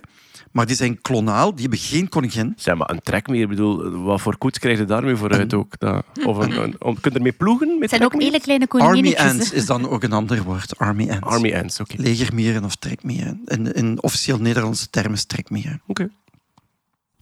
Maar deze soort heeft geen koningin. Zitten die ook in Brabant? Ja. Brabantse trekmieren? Oh. Ja, nee, nee, nee. nee, extra dikke Ik pootjes. wist het. Ja, nee, nee. Het mopje is nog niet op, ik voel het. Er moet nog iets in zitten. Nog iets komen. Nee? Oh, ehm, die trekmieren, als je dan trekt, ontploffen die dan? De tre- trekbommetjes? Trek eens aan mijn mieren. Nee. Ja, Ik ben en ze trekken niet naar het zuiden in de winter. Ja, Ook al niet? Nee? Oké. ja, Niks, met vieze dingen. Nee. Ik was ook aan vieze dingen. Ja. Maar ga verder, Peter. Ze trekken, ze trekken rond en ze roven de ene naar de andere kolonie leeg. Ja, zoiets is het ongeveer. Ja, ja, ja. En ehm, deze soort heeft... eh, ik, ik zei het daar straks bij de bijen al, hè, dus bij mierenwespenbijen is het zo onbevruchte eieren worden mannetjes, bevruchte eieren worden vrouwtjes. Mhm. En als je dus als werkster, dat eigenlijk een niet bevrucht vrouwtje is, als die eieren zouden leggen, want dat gebeurt bij hommels bijvoorbeeld, gebeurt dat ook, of bij honingbijen, dat de werksters eieren beginnen te leggen, maar daar komen alleen mannetjes uit, want die zijn niet bevrucht. Deze soort mieren klonen de vrouwen, klonen, klonen de werksters zich. Dus die leggen zelf eieren, die zijn niet bevrucht, maar daar komen wel vrouwen uit. En zijn dat tweelingen echt dan volledige Ja, kopieën? Ja, ah, ja, want je hebt, klonen. je hebt maar één Ja. set, één Ja. set chromosoom. Maar hoe worden die mannetjes dan geboren? Want daar zit, of werken die niet met XY-chromosomen in de... dat- Niet nodig. die zijn niet nodig. Die zijn waarschijnlijk niet nodig. We kunnen ons klonen. We hebben niet meer nodig. Daar spreken ze dus niet over, maar dat zou best kunnen dat die eh, geen mannetjes hebben. Ja. Ja, In ieder geval, dus al die werksters kunnen eieren leggen. Mhm.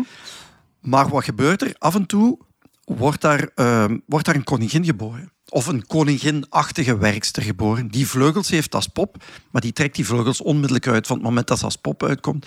En die begint ook eieren te leggen.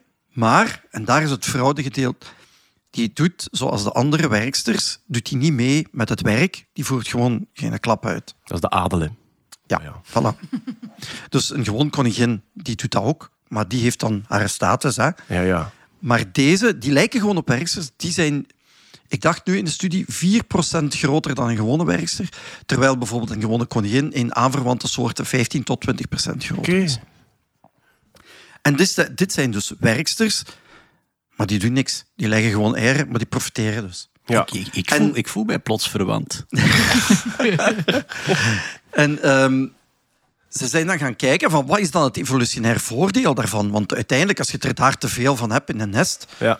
Ja, dan wordt er geen werk uitgevoerd. Dan wordt alleen maar eieren gelegd, meer monden te voeren, maar er wordt geen eten bij gehaald. Ja, dan gaat die kolonie dood.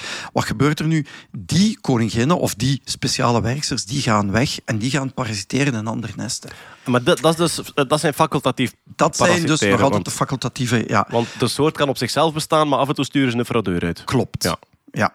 En dat zou waarschijnlijk zo een van de tussenstappen zijn tussen Ah, het ja. facultatieve en het obligate parasitisme. Ja. Daar hebben ze, zijn ze nu achter gekomen. Oké. En dat wordt, ehm, dat wordt gestuurd door één gen of door een hele kleine set van genen. Ja. Een evolutionaire ontdekking eh, binnen parasitaire mieren. Jawel. Het doet me denken Oké. aan iets dat we in de mailbox gehad hebben, want we hadden het vorige keer gehad over symbiose. En we hadden er dan een klein discussietje over van hoe noemt het als het positief is voor de ene soort in die Ja. samenwerking en in het andere. En iemand heeft gewild, als je mutualisme hebt, dan is het positief voor alle deelnemers. Ik denk dat we direct een nieuwe mail gaan krijgen. eh, hier. Ah ja, ik denk het ook. Want Ja, omdat- commensalisme is... bestaat- Nee, nee, je hebt, je zegt, eh, zo noemt- zo noemt het. het. Heb je, ja. Oh, Nee, Swan, vergeet, vergeet het. Maakt Men niet noemt, uit. men Maakt noemt niet het uit. zo. men Maar- noemt het zo. Men noemt het zo. Mutualisme is als het positief is voor alle deelnemers. Ja. Commensalisme is positief voor één, neutraal voor het andere. Dus eh typisch voorbeeld is kokken op een walvis. Eh, Commensalisme. commensalisme. Ja, van en, para- dus parasitisme is als het eh, positief voor één is en negatief Ja, voor een ja. ander. En dus wat, wat, wij, wat wij heel typisch symbiose noemen, dat is eigenlijk mutualisme. Mutualisme. Mutualisme. Ja. Ah ja, mutualisme. Positief voor beide is mutualisme. Ja. Ja, ja, positief voor beide. Mutual, ja, het, eh, Mutual. mutual, voilà. Ja, en ja, dan eh, commensalisme, zoals de commensaan, hè, de huurder. De, ja, ehm, De meeeter. Ah ja, Dat de betekent het letterlijk? Ah, meeeter, Mensa is tafel, Ja, natuurlijk. Mensa Kom, is Mensa, tafel, ja. ja. Mensen aan ah, kijk eens aan. Ja, voilà. Over commensalisme bestaat wel een beetje discussie over, bijvoorbeeld die kokken die op een walvis zitten, zijn die eh, neutraal voor de walvis? Je zou denken van wel, maar ergens vertragen die de walvis ook een beetje in het water. Daar Ja. kan over gefilosofeerd worden, maar dus eh, Ja, ja, ja. neutraal eh, zijn ze geregeld. Het, het, gaat er gewoon om hoe fijn dat je je, je definiëring wilt nemen. En Voilà, hoe groot ja. dat je effect gaat zijn. Ja, dat klopt. Ja. Zijn, zijn raven niet ehm, commensaal bij wolven? Hebben die geen ehm, karkassen nodig die wolven achterlaten? Ik denk dat de raaf, ik denk dat de ravenpopulatie in Europa een beetje de wolvenpopulatie volgt. Dus waar dat wolven verschijnen, dat daar dan ook raven volgen. Positief voor de raaf, neutraal voor de wolf. Ja, dus dat commensaal, kan. ja. Moet ik Ja. opzoeken. Zeggen ze auto's en raven? Die zorgen toch samen ervoor dat die nootjes open geraken, hè? Kraaien, Ja, kraaien, ja, ja, ja, en ja. eksters. Ja, ja, ja, ja. Sorry. ja inderdaad. Goed, nog natuurnieuws. Enfin ja, ehm natuurwetenschappennieuws. Er is in Japan een muis gemaakt met twee vaders.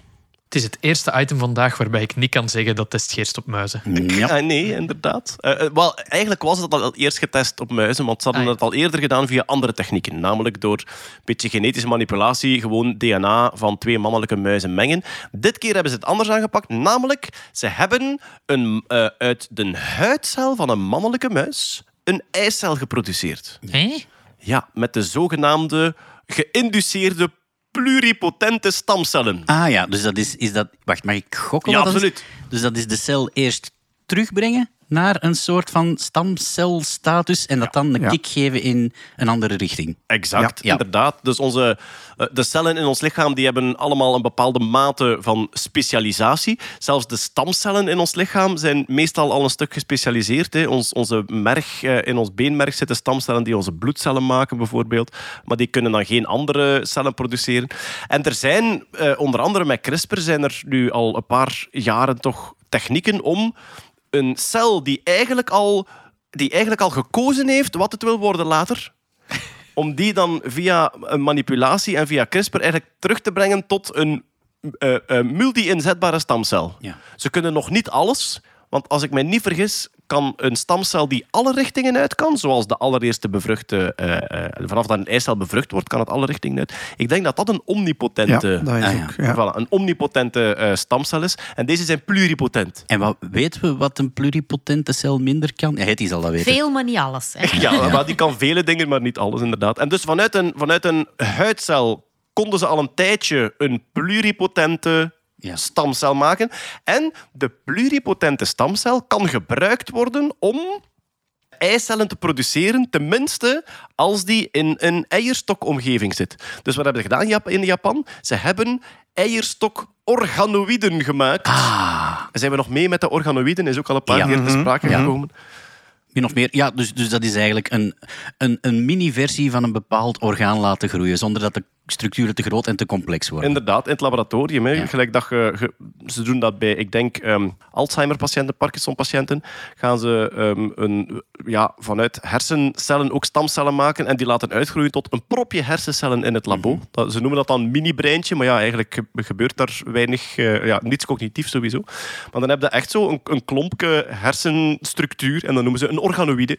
Ehm, en dus blijkbaar kan je ook eierstokorganoïden maken. Daar kan je die pluripotente geïnduceerde stamcel instoppen. En dan kan die eicellen produceren. Oké, uw pluripotente stamcel die heeft nog altijd ehm, twee sets chromosomen. Die heeft... eh, ja, Ja, uiteraard. voilà. Er is nog geen pas Inderdaad. Ja, dus de, de, ja, bij de mens zijn het er 46. Ik weet niet hoeveel dat er bij de muizen zijn. Eh, maar dus die heeft nog haar twee sets chromosomen. En een eicel en een zaadcel heeft daar maar eentje van. Dus er moet in die, eh, in dat, in die organoïden moet er nog een proces zijn. Meose heet het. Ik, Ja. Meioze is Ah, voilà. eh, ja, Ja. celdeling waarbij maar de helft van het chromosomaal materiaal wordt overgehouden. Voilà, dus dat gebeurt dan ja, op een redelijk natuurlijke manier in die, eicel, eh, in die eierstok organoïden. Er is één probleem. Uw pluripotente stamcel heeft een X en een Y-chromosoom. Oh, Oh no. En daar marcheert dat niet bij. Ah, nee. Want die, het maken van eicellen gebeurt normaal enkel door vrouwelijke cellen met een X en een X-chromosoom. Dus computer says no. En die meose lukt niet. Ehm, wat is de grote truc die ze nu toegepast hebben? Ehm, in het eh, Kyushu Universiteit in Japan. Ehm, wat hebben ze gedaan? Ze hebben eerst een pluripotente stamcel gemaakt van die muizenhuidcel. Daar hebben ze het Y-chromosoom uitgehaald. Dan hebben ze uit een andere pluripotente stamcel een X-chromosoom gehaald. Dan hebben ze in die eh, eerste gestopt, zodat je eigenlijk exact het mannelijk DNA hebt, maar met XX in plaats van met XY. En dat hebben ze in die organoïden gestopt. En daar zijn dan eicellen uitgekomen die effectief werkten. Ja. En waar dus ehm, kinderen uit, waar, dus muizenpups uitgeboren zijn ook. Er zijn vijf muisjes geboren. Eh, uit 600 stamcellen zijn er uiteindelijk vijf muizen geboren.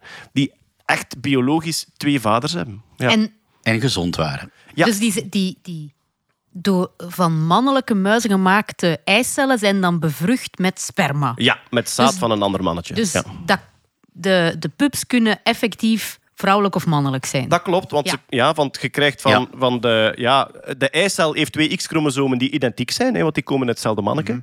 En eh, het- de zaadcellen geven X en Y, dus daar kunnen zowel dochters als, eh, als zonen uitkomen. Maar dus Ja, je zou ja. eigenlijk een manneke zijn eh, eicel kunnen bevruchten met zijn eigen sperma. Dat zou kunnen als je Oh. echt heel veel kans wilt op... Ja, eh, dat is niet zo gezond. ultieme inteelt. Ik Nee. bedoel, elk... ehm, wacht hoor, wat is het? Elk recessief foutje dat in je DNA zit... Ver, vermenigvuldigd. En, trouwens, die eicel dat je daar maakt, die, dat, dat, is- dat zijn twee exact dezelfde X-chromosomen. hè. Ja, ja. Dat is iets dat normaal ook niet bestaat. hè. Nee, nee, nee. Maar, ja, maar in die, in die eicel blijft maar één over natuurlijk. Hè. Ja, sorry, in de eicel, maar ik bedoel de pluripotente cel die daaraan vooraf gaat. Ja, ja, ja. ja. Of in de stand, ja. Ja, ja, ja, dat, klopt. dat is ook een heel gekke situatie eigenlijk. Ja, dat is ook ja, iets waarvan dat je niet wilt dat dat tot een organisme uitgroeit. Ja, want normaal is er altijd een van de twee uitgeschakeld. Hè? Is Wat, dat niet? Als je twee X-chromosomen? Wordt er toch Ah, altijd één, is dat zo? act- één Ja. actief gemaakt. Maar toch, toch zeker maar, maar deels, want er zijn toch veel recessieve aandoeningen bij, bij, die bij, alleen bij mannen voorkomen, omdat vrouwen een reserve X hebben en mannen ja, geen maar reserve ik dacht dat het toch zo was dat bij vrouwen altijd eentje en dat dat volledig random gebeurt. Ah, oké. Oh, dan moeten we aan Hetty vragen. nog. Maar Ja, dat inderdaad. Dat is het eh, probleem. Als Hetty er niet is, dan hebben ze zo heel veel schrik dat gaan het vloeken zijn in de Ja, kerk. is dat- Ik kan wel aanvullen, je hebt totipotente cellen, die kunnen alles worden. En ook, eh, en eh, dus de, hoe noemen we dat, die extra zak bij de bevalling, placenta. Baarmoeder, ja, nee, Tot- baarmoeder niet. Inderdaad, de, de moederkoek Ja. is een deel Ja. van het kind. Dat het, baarmoeder ja. is er al, hè? dat wordt niet meer Ja. bijgemaakt. Ja, ja, Dat. Totipotente cellen kunnen ook moederkoek maken. Eh, pluripotente cellen kunnen eh, alles maken behalve moederkoek. En multipotente cellen die kunnen eh, minder maken. Dus Ah, het is dus de pluripotente... toti, pluri, multi. Ah, het is niet om, Ja. het is toti. Ja. Toti, Oké, pluri, multi. Een, to- een toffe drieling ook. Ja. Als, ik, als je een drieling hebt, drie namen, Nog twee namen en al de muizekjes hebben een naam. Kijk, Ja. Toti, pluri, multi. Eh voilà, Ja. dat was het onderzoek van eh, professor Kats- Katsuhiko Hayashi. Maar wel, Ehm, wel indrukwekkend, hè? Absoluut. Ja. Hij heeft het voorgesteld in Londen op een of andere groot congres over dit soort eh, fertiliteitstechnieken. En hij zei, ehm, ik zie deze techniek over tien jaar toepasbaar bij de mens. Dus dat je eigenlijk als eh, same-sex koppel binnen de mensheid, dat je eigenlijk echt kinderen kunt krijgen die biologisch van u zijn. Al zijn collega's zeiden achteraf, tien jaar is wel een beetje heel optimistisch. Behalve zijn collega Jean Couy, die... eh, laat ons er vijf van maken. In tien jaar is ik doe het in misschien, twee. Ja, tien jaar is misschien Musk-tijd. Ah, ja dat, zou inderdaad, eh, dat zou inderdaad goed kunnen. Dan is het nu uiteindelijk tijd voor... Silica. Silica. Silica.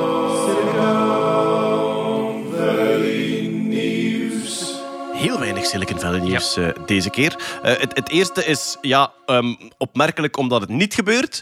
Zuckerberg lijkt te zwijgen over eh, de metaverses, Jeroen. Ja, de hype is een beetje over. Ik heb een lezing over metaverses en ik ben niet aan het omtoelen naar... Weet je nog? Metaverses. dat was een tijd heel wat. En nu horen we daar weer niks meer van. En ja, Zuckerberg heeft net zoals alle andere techbedrijven in Silicon Valley tegenwoordig gezegd van... Goh, ja, maar AI, dat daar, daar zijn we mee bezig. Ik heb een, een topteam van Facebookers samengesteld om AI te zetten. En daar gaan we blijven verder gaan. Eh, Dus je weet dat ding waar dat we ons bedrijf voor hernoemd hebben, dat is even op de backburner. Hij heeft dat niet gezegd, uiteraard. Maar het, Ja. eh, het is duidelijk dat er op een laag pitje staat en iedereen nu als een zot eh, GPT-achtige dingen in zijn product aan het eh, rammen is. En de, de metaverse-investeerders, hoe, hoe, hoe gaat het daarmee? Goh. Die, ja, die staan al op een andere hype te dansen, Natuurlijk, denk ja. ik. Dat, ja, ik. Ik vind dat echt verwonderlijk hoe dat die zich telkens opnieuw zo kunnen verliezen in... in bij ons Met- noemen ze dat een stroovuurke. Metaverse gaat gewoon geherclassificeerd worden als dingen die we al gebruiken. Vroeger zeiden ze van, ah ja, videogames, dat telt niet echt als metaverse. Ja, nu heeft de, de CEO van, van Unreal, eh, van Epic Games, heeft gezegd van, ja, maar ja, Fortnite is al een metaverse. Dus Ja. de, de- er gaat een beetje geschoven worden met de bakens, waardoor dat iedereen uiteindelijk toch nog gelijk heeft. Maar eh, Maar als, als, we, als we kijken naar ehm, eerst cryptomunten, dan NFT's, Ah, dan metaverse, dat zijn zo drie s- strovuur-hypes. Ja. En een strovuur in ons dialect wil zeggen, dat brandt heel fel op en dat is direct weg. Gelijk als je stro in brand en over tien jaar gaan we dat opnieuw hebben. Het is daarmee die... allee, Maar tien jaar, dat is, dat is wat ik zo verwonderd van ben, dat ze, dat ze tegenwoordig maar een paar maanden meegaan, of het scheelt niet veel. Ja, ja het is die, die hype cycles, dat gaat steeds sneller. En je kunt er eigenlijk telkens uit leren. Er zitten goede ideeën in, hè, maar die ideeën worden bedolven onder hype. En ik, ik vrees eigenlijk een beetje hetzelfde voor de grote AI-boom die we nu aan het kennen zijn. Het is fantastische technologie. Misschien nog fundamenteeler beter dan de andere hypes, want NFT's en cryptocurrencies, daar kunnen we allemaal eh, zeer, zeer eh, smakelijk om lachen. Maar ik denk dat er een soort van de witte broodsweken zijn stiltjes aan over. En nu gaat het ingezet worden in de echte wereld. En nu gaan we kijken wat er... Ah, eh, wel, wat dat voor mij het grote verschil is tussen eh, AI en NFT's en metaverse, is dat AI ook aan, aantoonbare, harde economische meerwaarde Het creëert. doet al iets. Ja, Ja, maar dat is het. Dat is kan, waar. het ja. kan iets, hè? Het Ja. doet effectief iets. Ja. Ehm, als, stel dat eh, op het moment dat iedereen afgesproken heeft, want zo gaat het dan bij prijsschommelingen, als het moment dat iedereen afgesproken heeft, we willen hier eigenlijk niks meer voor geven, wil je het dan nog hebben? Het antwoord bij een NFT is eigenlijk nee. Want dat is niks zonder Er is dat geen- iemand anders er is geen, dat... er, is geen, er, was ook geen killer app voor metaverses. Hè. Ging, Ja. Gingen meetings beter zijn? Eh, Betwijfelbaar. Ah, dus- Videogames misschien tegenover ja, nu zo'n ChatGPT-achtig systeem. Ja, oké, dat, dat, kan, Ah, dat kan natuurlijk, nu ja. iets. Ja. Er, zijn nu, er zijn nu redelijk wat AI-systemen. Als je aan mij vraagt, stel dat niemand er nog iets voor wil geven, wil dat dan hebben? Dan mijn antwoord ja is. Ja. Want het doet effectief dingen. Dus ehm, dat is voor mij het grote verschil tussen AI en die vorige hypes. Maar dat we, dat we in de oververwachtingsfase zitten, dat is wel duidelijk. Hè? Ja, dat, dat mensen er nu te veel in zien, ja, dat is wel zo. Gaat, gaat dat een grote correctie moeten krijgen? Ik denk het niet, want de fouten komen ook heel snel boven. Hè. Ik bedoel, de, de kritiek op, op al die GPT-dingen en de fouten die ze maakten, was ook wel heel snel duidelijk. Maar ja, het feit dat elk bedrijf gelijk wat ze maken nu aan het roepen zijn we moeten iets met ChatGPT doen, denkt ook van ja, maar het is ook niet overal nuttig hoor. Nee, maar als je ziet hoe rap dat, dat mijn filmpjes kan- ondertitelen, daar word ik toch blij van. Zo, hè. Hoezo? Kunnen dat Ah, dan voor hebt nu gebruiken? in, eh, in Adobe Premiere je zo een, een plugin Ja. dat je kunt zo zeggen van eh, ja, de taal die hier gesproken wordt is Nederlands. Klik, hup, en je hebt ondertitels. Allee. Ja, je moet wel nog een keer even nalezen. En het Ja. hangt veel af van de kwaliteit van je audio. Maar aangezien dat ik bij de radio werk, valt die audio meestal redelijk mee. En dan is dat eigenlijk echt in een handomdraai gefixt. Ja, ja. ja, maar dat is de nalezen en controleren. Eh, ik omschrijf die, die AI-systemen wel een keer als een, eh, een zeer wisselvallige redacteur. Je moet, je moet Ik dus altijd, eigenlijk op een dinsdag. ja, maar nee, je moet altijd eindredactie doen. Omdat je nooit weet, is er kloef nevens of is er kloef op? Dus je hebt, je hebt, een, eh, je hebt een hardwerkende, wisselvallige redacteur. Je hebt het ter uw beschikking en jij moet daar eindredactie voor doen. Je kunt dat niet zomaar eh, loslaten op de wereld. Dan moet ik dan ook een angstrelatie aangaan met mijn... eh, een dominante, een dominante ja. agressieve relatie als eindredacteur naar, uw, ja, naar de eindredacteur. nee, een disclaimer, ik heb heel, heel fijne eindredacteurs. Dankjewel. Maar als wat metaverses moet ik dat op het einde niet meer pluggen. Ik heb er nog altijd een lezing over die ik aan het, aan het omtoelen ben als een soort van verschrikkelijke waarschuwing. Dus het is nu al vintage. Ja, maar ja. Zo snel gaat Ja. het. Ja. En dan hebben we nog maar één ander Silicon Valley nieuwsje. En dat is, er is een lanceerdatum gezet voor het Starship. Het SpaceX Starship zou in zijn volledige vorm, dus die enorme tank met dan de metalen suppositoire erop, zou in een baan rond de aarde gebracht worden. Als dat lukt, is dat het grootste object ooit dat in een enkele lancering ehm, in een baan rond de aarde gebracht is door de mens. En eh, Musk zou Musk niet zijn als hij de lanceerdatum niet op 20 april gezet had. Oh, 420. Want dat is 420. Ja, Dat is het uur waarop het tijd is om een wiet te roken. Ja. Voor de mensen die niet zo internet-savvy zijn. Toekesmoren. Ja. Maar het gra- 420, ja. 420 is de, de, ja, de internet trope voor eh, 420 Blazem. Om, eh, Absoluut. Maar Ja. hij gaat het niet halen. Toch? N- Zo goed als zeker niet, nee. Nee. Maar dat heb je altijd met die gasten die wiet smoren. Hè? ja. Ehm, ja, dus lanceerdatum gezet eh, eind april. En hij schreef in zijn tweet al van ja, we verwachten ehm, zo naar het einde van de derde week van april. "Ah, let's take 420. Dus het was zo al wat half grappend dat hij het gelanceerd had. Ehm, ja, de mopjes lanceren sneller dan zijn eh, raketten.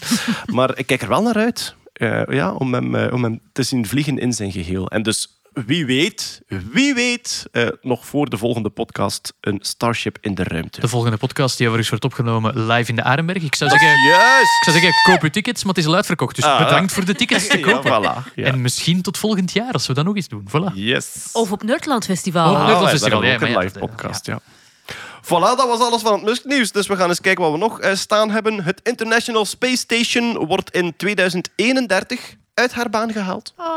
Normaal moest het ISS al klaar zijn nu, hè, denk ik. Die was normaal gebouwd voor 15 jaar mee te gaan. Ze hebben eh, dan eh, verlengd.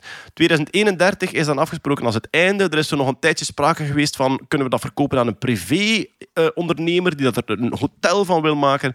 Dat blijkt nu allemaal toch nergens op uit te draaien. En de plannen worden nu gemaakt om hem echt te laten opbranden in de atmosfeer. Oh my god. Ja, echt En zo gaat, zou je dat kunnen dramatisch. zien van op aarde? Waarschijnlijk wel, maar ze Daar wil ik dat... s'nachts nog een keer van wakker blijven. Ah, wel, maar je gaat ook serieus ver moeten reizen. ehm, Ah, hm. En misschien ook een reisverbod moeten negeren. Want ze gaan dat laten neerstorten in Point Nemo. Hm? Point Nemo is het punt in de grote oceaan dat het verst ligt van elk mogelijk bewoond gebied. Oké, oké, oké. En daar ligt heel veel ruimtepuin. hè. Dus veel satellieten en zo die nog bestuurbaar zijn, worden heel bewust in de atmosfeer gebracht boven Point Nemo. Dan branden ze grotendeels op. En als er toch brokstukken landen, dan landen die daar in de oceaan. Dat is tevens, ja. tevens mijn plan voor, eh, voor mensen die op pensioen moeten, om die langzaam te laten opbranden in de atmosfeer. Dat is waar, red- waar dat we Frank de Boos ja, naartoe hebben redelijk controversieel, maar eh, ja. Ik heb het gevoel dat dat exact is wat ik aan het doen ben, langzaam aan het opbranden in de atmosfeer. Maar je hebt dus ook eh, blijkbaar een kerkhofbaan voor satellieten, heb ik deze week gelezen. Die Ja. ligt boven de baan waar dat de satellieten in zitten. Dus daar kun je ook naartoe. Je kunt, Ja, ook, je kunt naar boven en je kunt naar beneden. Ah, oké. Ehm, maar eh, ja, het ISS gaat dus opbranden. Daar gaan hoogstwaarschijnlijk wel beelden van gemaakt worden. Hè, van, want Ik vind dat wel een beetje gaat een ja. enorme... Ja, het is, spijtig zo, het is ja. erfgoed Ja, eigenlijk, maar ik denk wel. dat er, er is geen andere oplossing. Want vanaf dat je het ISS loslaat, gaat hij altijd maar langzaam lager vliegen. Want er is nog een klein beetje luchtweerstand op die hoogte, op die 400 kilometer hoogte. Ehm, dus je moet er iets mee doen. Je moet het ofwel onderhouden, ofwel laten neerstorten. Je kunt hem niet gewoon, eh, gewoon laten roesten waar dat hij hangt. Kunnen ze daar op weg naar de maan niet meepakken? Ja, daar heb je heel veel energie voor nodig. Hè. Ja. Om die snelheden te halen, om een, hogere, om een hogere baan te bereiken, heb je enorm veel energie nodig. En nu gaan ze hem afremmen. Dus er zou effectief dan zo een ruimtetractorke aangeklikt worden. Zo, een, een zeil zo, om zo stil Ja, maar zou hij dan met zijn eigen motoren kunnen? Dat weet ik eigenlijk niet. Want hij heeft ook eigen motoren. hè, Stuur, om te-. Een klein, ja. een klein ruimteschipje met een groot, genoeg is om met een te groot sturen. kussen. Shh, shh, shh. Rustig. Laat het, good. laat het gaan. You've been a good station. You're, you're going to spaceship heaven. Go tell the other space stations what you just saw. Maar ja, er was sprake in het artikel van echt zo'n klein tractorke dat er naartoe is. Eigenlijk een, een sleepauto, hè? Ja. Een soort eh, Ja. sleep, sleepbootje in de ruimte. Dat dan zo... Gelijk dat stuk van Darryl Breen over ehm, de trein die de channel Juist, ja, gegraven heeft. ja. De- Ken je dat stuk? Ik denk het wel. Hij vertelt dan over zo de graafmachine die de channel gegraven heeft. En hij had gelezen op een bepaald moment dat ze dus langs twee kanten beginnen graven waren. En als die helemaal op het einde waren, was het duurder om dat graafmachine terug helemaal naar land te slepen, dan om het gewoon een hoek van 90 graden te laten maken en zichzelf laten ingraven en dan... En dan eh, dichtmetselen. Ja. Maar hij, ja, hij, hij, hij personal, personificeert dat dan helemaal. Dus hij spreekt dan, hij spreekt dan als dat graafmachine. Oh, are we there yet? Are we there yet, human controller? No, no, just uh, keep, keep digging a little more. Oh, I'm looking forward to see France. France will be so beautiful. The sun will go up. I can see light at the end. Oh, yes, there are the other ones. Yeah, Now, take, a left turn here, 90 degrees. Just keep digging. Yeah, yeah. Oh, are we in France yet? Tomorrow, tomorrow. Okay, break her up. dat is ongelooflijk hoe meeslepend dat dat is. Zwat, ik heb het nu slecht verteld. Eh, we zullen de link in de show notes zetten. Ja, dan kunnen we ze daar bekijken. Jeroen, er is Wombat nieuws. En bij Wombats gaat het meestal over... Kak! Wombatkak. Wombatkak. Kubusvormige wombatkak. Wombats maken kubusjes. En ja, dat is, dat is eigenlijk een beetje de bestaansreden van, van mijn aanwezigheid hier in de podcast. Want nu is er nieuw nieuws eh, van professor Scott Carver van de Universiteit van Tasmanië. Dat zijn dezelfde mensen die de Ig Nobelprijs al gewonnen hebben voor het, het onderzoek waarom dat eh, de, de eh, kakjes kubusvormig zijn. Ja, er is het waarom en het hoe. Hè. Het Dat- waarom en ja. het hoe. dat tijdens in de endeldarm van de wombat er een alternerende spierdensiteit is, waardoor dat die dingen die vorm krijgen. Nu, er was nog één vraag die ze niet hebben kunnen beantwoorden met dat onderzoek, en die onderdeel is van een nieuw onderzoek. Waarom zijn ze zo consistent? Want blijkbaar wombatkak, je zou denken dat er af en toe eens een beetje een balkvormige uitkomt. Of een Ah. beetje, een, een, beetje een, een- ja, een lange balk. We, we kunnen Jos, altijd, ik heb vandaag een balk gelegd. Ja. we kunnen altijd gaan kijken in mijn eh diepvries, waar, Waar die nog nog altijd steeds in zitten, ja. wombatkak eh, Wel, ligt. Hè. ze vroegen zich af, hoe komt het dat die zo consistent, redelijk perfect kleine kubusjes zijn? Want, Ja. want dat, dat, hun model kan er nog niet verklaren. En dan hebben ze gekeken naar de manier waarop lava eh, kan eh, afkoelen en gesteente wordt. Eh, je kent misschien de Giant's Causeway in eh, Noord-Ierland. Nee. Dat is die typische plek waar dat je zo zeshoekige staven Basalt. van basalt... Ja. Ja, ja, ja. Dat is ook uiteindelijk lava die daar gestold is. En- Basalt, voor wie het niet kent, moet je zeker een afbeelding zoeken. Het zijn zeshoekige pilaren die Ja. in de natuur voorkomen en waarvan dat iedereen de reflex heeft. Dit kan toch niet natuurlijk zijn? Ja. Het ziet er mensgemaakt uit en daar zit toch een natuurlijk proces achter. En wat is een natuurlijk proces? Als lava eh, afkoelt, het koelt sneller af aan de oppervlakte dan dat het intern afkoelt. Stel dat je een, Ja. een bak lava hebt. Oké, dus een, bak- baklava? Oh, nee, nee, nee. Een volume lava. Ja. De buitenkant koelt sneller af, omdat het in contact staat met de buitenlucht en zo. En dus waren ze aan het denken, ja, dus omdat het binnen eh, snel eh, trager afkoelt dan van buiten, krijg je bepaalde ehm, ja, cracks op het oppervlak. Ja, dat ja. zorgt ervoor dat je, dat, je, dat je centen uit elkaar vallen. En ze waren aan het denken, zou dat het afkoelen van kak in de darm bij de wombat, zou dat een beetje hetzelfde effect hebben op de verschillende kubusjes? Want die kubusjes moeten op een bepaald moment van elkaar gescheiden worden. Ja. En dat kon niet helemaal verklaard worden in hun vorig model. Dus wat doe je dan als wetenschapper? Ja, Lava in een wombat gieten. nee, Dat is wat ik zou doen. nee, nee. Ze Dat is, ook, hebben... dat is ook wat ChatGPT zou doen. Ze hebben met een soort van zetmeelpapje hebben ze de consistentie van wombatkak nagemaakt voor die door de endeldarm gaat. Dan met een, se- een serie van 3D-geprinte plastic trechters hebben ze de wombat, het wombat interne systeem nagebouwd. En dan met eh, verschillende haardrogers eigenlijk hebben ze de verschillende warmtestappen door het hele proces nagedaan. En effectief is door de, de warmte op bepaalde momenten te kunnen reguleren, zoals in een wombatlichaam ook gebeurt, kunnen ze daar consistente kubusjes uit krijgen. Dus wat blijkt... Wat zijn jullie aan het doen in Labo 4? Maar je denkt dan van, waarom is dat belangrijk? Eh, want ja, we, kunnen dat nu verklaren voor wat. Wat blijkt? Eh, het heeft te maken met ook het watergehalte dat in de kak zit. Eh 65% is ongeveer de waterinhoud van wombatkak voor hij de endeldarm binnengaat. De darmen nemen een deel van het water op. Dat is waarom dat je soms droge kak hebt en als je ziek bent, diarree. Eh, als je 65% eh, nog maar over hebt, dan krijg je eerder vierkante, vierkante kakjes. Als je 75% over hebt en ze dus nog iets vloeibaarder zijn, dan krijg je worstjes zoals wij mensen er leggen. Maar wat blijkt? Eh, mensen die eh, darmkanker hebben, of een soort van kanker ergens in het hele systeem dat erachter ligt, aan de vorm van die hun kak, zou je kunnen merken of dat er ergens een inconsistentie is in de, in de hele weg daar naartoe.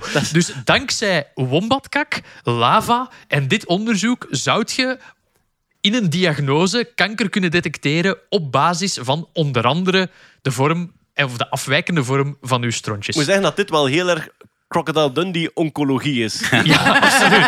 Ja, je met een groot mes in een kak prikken, mm, darmkanker, ik zie het al. ja kijk. ehm, dus ja, het is... Oké. eh, ik vind het prachtig hoe dat alles samenkomt. Tuurlijk. Ja, Of- en ik hoop of- dat ze er terug een Ig Nobelprijs Of voor uit winnen. elkaar valt, hè, in Of het uit geval van de elkaar valt. Ja, ja dat, eh, dat sowieso. Oké, eh, er was eh, supergeleider nieuws. Eh, supergeleiders, eh, ja, goh, ik denk dat we het al wel een keer uitgelegd hebben. Eh, als je een stroom door een draad stopt, dan is er weerstand. En dan verlies je energie. De draad wordt een beetje warm. En ja, wij gebruiken koper, omdat dat zeer goed geleidt. Heel weinig weerstand, maar over lange afstanden verlies je nog altijd heel veel. Wat is een supergeleider? Dat is een metaal dat ehm, stroom doorlaat met zo goed als geen weerstand. Dus die gewoon, ja, waardoor dat je ook geen energieverlies hebt op lange afstanden. Supergeleiders worden heel veel gebruikt om supermagneten te maken, omdat je dan die stroom kan laten ronddraaien zonder dat je veel energieverlies eh, hebt. Maar supergeleiding werkt alleen bij heel lage temperaturen. En oorspronkelijk was dat net boven het nulpunt. Dus dan eh, min 270 graden bijvoorbeeld. Na een tijdje hebben ze warmere supergeleiders ontwikkeld. En ik weet niet op wat temperaturen dat die zitten, maar die zijn nog altijd stikstof gekoeld, eh, denk ik wel. Dat zijn nieuwe materialen en die zitten dan ja, sowieso kouder. min 150, denk ik. Ja, zoiets. Ja. En het verschil met min 270 is al immens, Ja, ja. maar het is nog altijd iets dat je niet kunt zo gebruiken. De heilige graal van de, eh, wel een van de heilige gralen van de materiaalwetenschappen is een supergeleider bij kamertemperatuur. Stel dat je materiaal ontwikkelt dat effectief bij kamertemperatuur stroom doorlaat zonder weerstand, dan lost je enorm veel energieproblemen op. Eh, dan worden uw leidingen enorm veel efficiënter, uw supermagneten enorm veel efficiënter. Als je dat hebt, bel ons eerst voor de scoop en bel dan naar het Nobelprijscomité. Maar eh, ja, En er is nu een nieuwe groep wetenschappers eh, die claimen dat ze het eh, gevonden hebben, alleen onder zeer hoge druk. Dat is dan blijkbaar wel de truc, dat je een enorm hoge druk nodig hebt. Dus het is, ja, het is wel bij kamertemperatuur, maar nog niet bij gewone atmosferische omstandigheden. Ik denk dat druk op peil houden gemakkelijker is dan enorm lage temperaturen, ja, afhankelijk van de, van de grootte van druk. Dus het zou toch een grote ontdekking zijn. Ehm, Het kan op kamertemperatuur, maar je moet het wel in het diepste punt van de oceaan doen. Zo, hè? Bijvoorbeeld, ja. Ehm, ze krijgen nog heel veel eh, scepties van collega's, dus het is nog niet gepeer-reviewed, helemaal niet bevestigd, maar het was toch eh, vermeldenswaardig. En nog een reden waarom ik het toch wou vermelden, was voor ehm, de kop die ze ervan gemaakt hebben in New Scientist. ja prachtkop. Claim over supergeleiding botst op weerstand. Kijk eens aan. Mooi. Eh, niet slecht, mooi, hè? mooi. Niet- Dat is bijna zo goed als... De Uranus-saga. Eh, ja, nee, zo, bij- bijna zo goed als gloeiend hete donutwolk werd mogelijk de maan. ah, Dat is waar, Ja, bijna. Ook, ook eh, New Scientist eh, poëzie. Peter, eh, we hebben het hier er al over gehad en het is iets wat op het internet vaak rondgaat. Het World Wood Web van de bomen. Ja. Hè, Er wordt al lang gezegd, ehm, het zit zelfs in de, in de Cosmos, de laatste Cosmos-reeks met Neil deGrasse Tyson, denk ik. Bomen hebben een ondergronds netwerk van schimmeldraden en die kunnen boodschappen naar elkaar doorgeven. Maar is het nu zo of Het is niet? fake news. Is het En echt? nu helemaal, hè? Maar Het, er is het, nu- was, het was degelijk onderzoek, maar ja, Ja. dat is wetenschappelijk onderzoek, dus dat Ja. evolueert. En ze zijn nu toch niet zo zeker. Of, Ja, eh, er is eh, zo een metastudie geweest en ik eh, geloof dat ze nu 1600 publicaties in die richting allemaal hebben bekeken. En blijkbaar zijn al die claims eh, gestoeld op drie studies die gedaan zijn. ai. Ah, die World Wood Webs, allemaal op drie. Maar Ja. omdat het zo mediafähig is, Ja, wordt het heel vaak en, herhaald. En ja. daar zijn er zelfs een paar, of eentje of twee zijn daar zelfs niet gepeer-reviewed. Ja. Dus, eh, Drie studies en twee films ook, denk ik. Ja, Avatar. Avatar, andere. maar eh, ja, het gaat eigenlijk over twee dingen. Eén, ehm, dus de claim dat al die bomen door een schimmeldraadnetwerk met elkaar verbonden zouden zijn en zo met elkaar kunnen communiceren. En twee, dat ehm, bomen ook via die schimmels zorg dragen voor hun nakomelingen. Via za- Ah, zaailingen beschermen en zelfs voeden via schimmeldraden. Ja. En ehm, over dat tweede, daar is bijvoorbeeld een onderzoek geweest waarin ze dus zaailingen in eh, zakken hebben gezet die, waarbij dus, eh, er wel voedingsstoffen door kunnen lekken, maar waar er geen schimmeldraden door kunnen. En dan, ehm, maar daar zijn ze eigenlijk tot conclusie gekomen dat er ook andere effecten zouden kunnen spelen.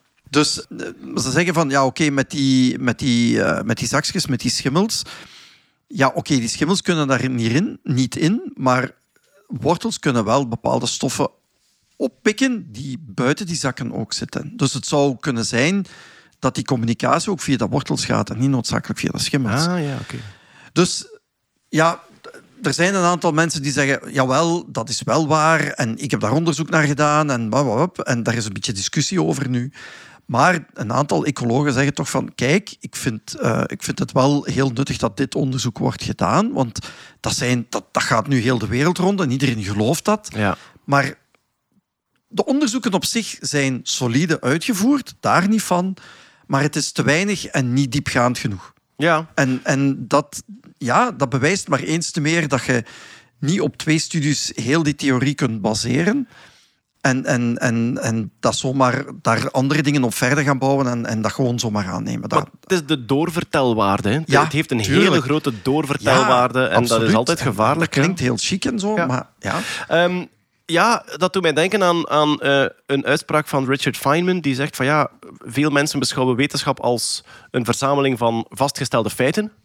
Maar wetenschap is eigenlijk een verzameling van beweringen waar een vlagje van percentage zekerheid aan hangt. Ja, maar wetenschap is een proces, hè? Ja, voilà. En dus die zegt van ja, kijk, we hebben, we hebben een hele hoop wetenschappelijke beweringen. En afhankelijk van hoe dat onderzoek gevoerd is, hangt er een vlagje aan. Hier zijn we zoveel procent zeker van, hier zijn we zoveel procent zeker van. Bijvoorbeeld eh, de lading van een elektron. Ja, dat percentage is heel hoog. Want dat kun je heel objectief vaststellen en meten enzovoort. Maar bijvoorbeeld, zijn de dino's uitgestorven door een asteroïde? Dat is niet zeker. Dat is, de, dat is de meest waarschijnlijke theorie. En er zijn heel veel aanwijzingen dat dat het was. Maar er zijn nog andere theorieën. Misschien was het een, eh, grote vulkanische activiteit eh, eh, ergens ter wereld. Dus bij dat World Wood Web is dat weer hetzelfde. Ja. Het, be- het bewijst ook het belang van die metastudies natuurlijk ook. Ja. Hè? Dat je regelmatig een keer moet gaan kijken. Zo van, oké, wat hebben we nu op dit, op dit vlak of op dit onderzoek of op dit eh, gebied al onderzocht en dat allemaal gaan evalueren van, oké, hoe goed is dat allemaal uitgevoerd? En dan eens een keer zien van, ja, hoe ver staan we nu eigenlijk? Ja. En, en dat vermijdt ook dat mensen zich op één, bepaald, eh, één, één of twee bepaalde studies gaan baseren en daarop verder gaan bouwen en daar heel, heel de theorieën gaan uitbouwen. Hè? Er was nog zo een, een ehm, eh, her, herroepen van een eh, doorvertelwaarde feitje eh, dat gepubliceerd is de voorbije maand. Namelijk eh, dat katten hun prooi zouden brengen als cadeautje. Ah, ja, ja. Er zijn nu wetenschappers die zeggen van dat is niet waar. Die zoeken gewoon een, een rustige plek om het te bewaren voor later.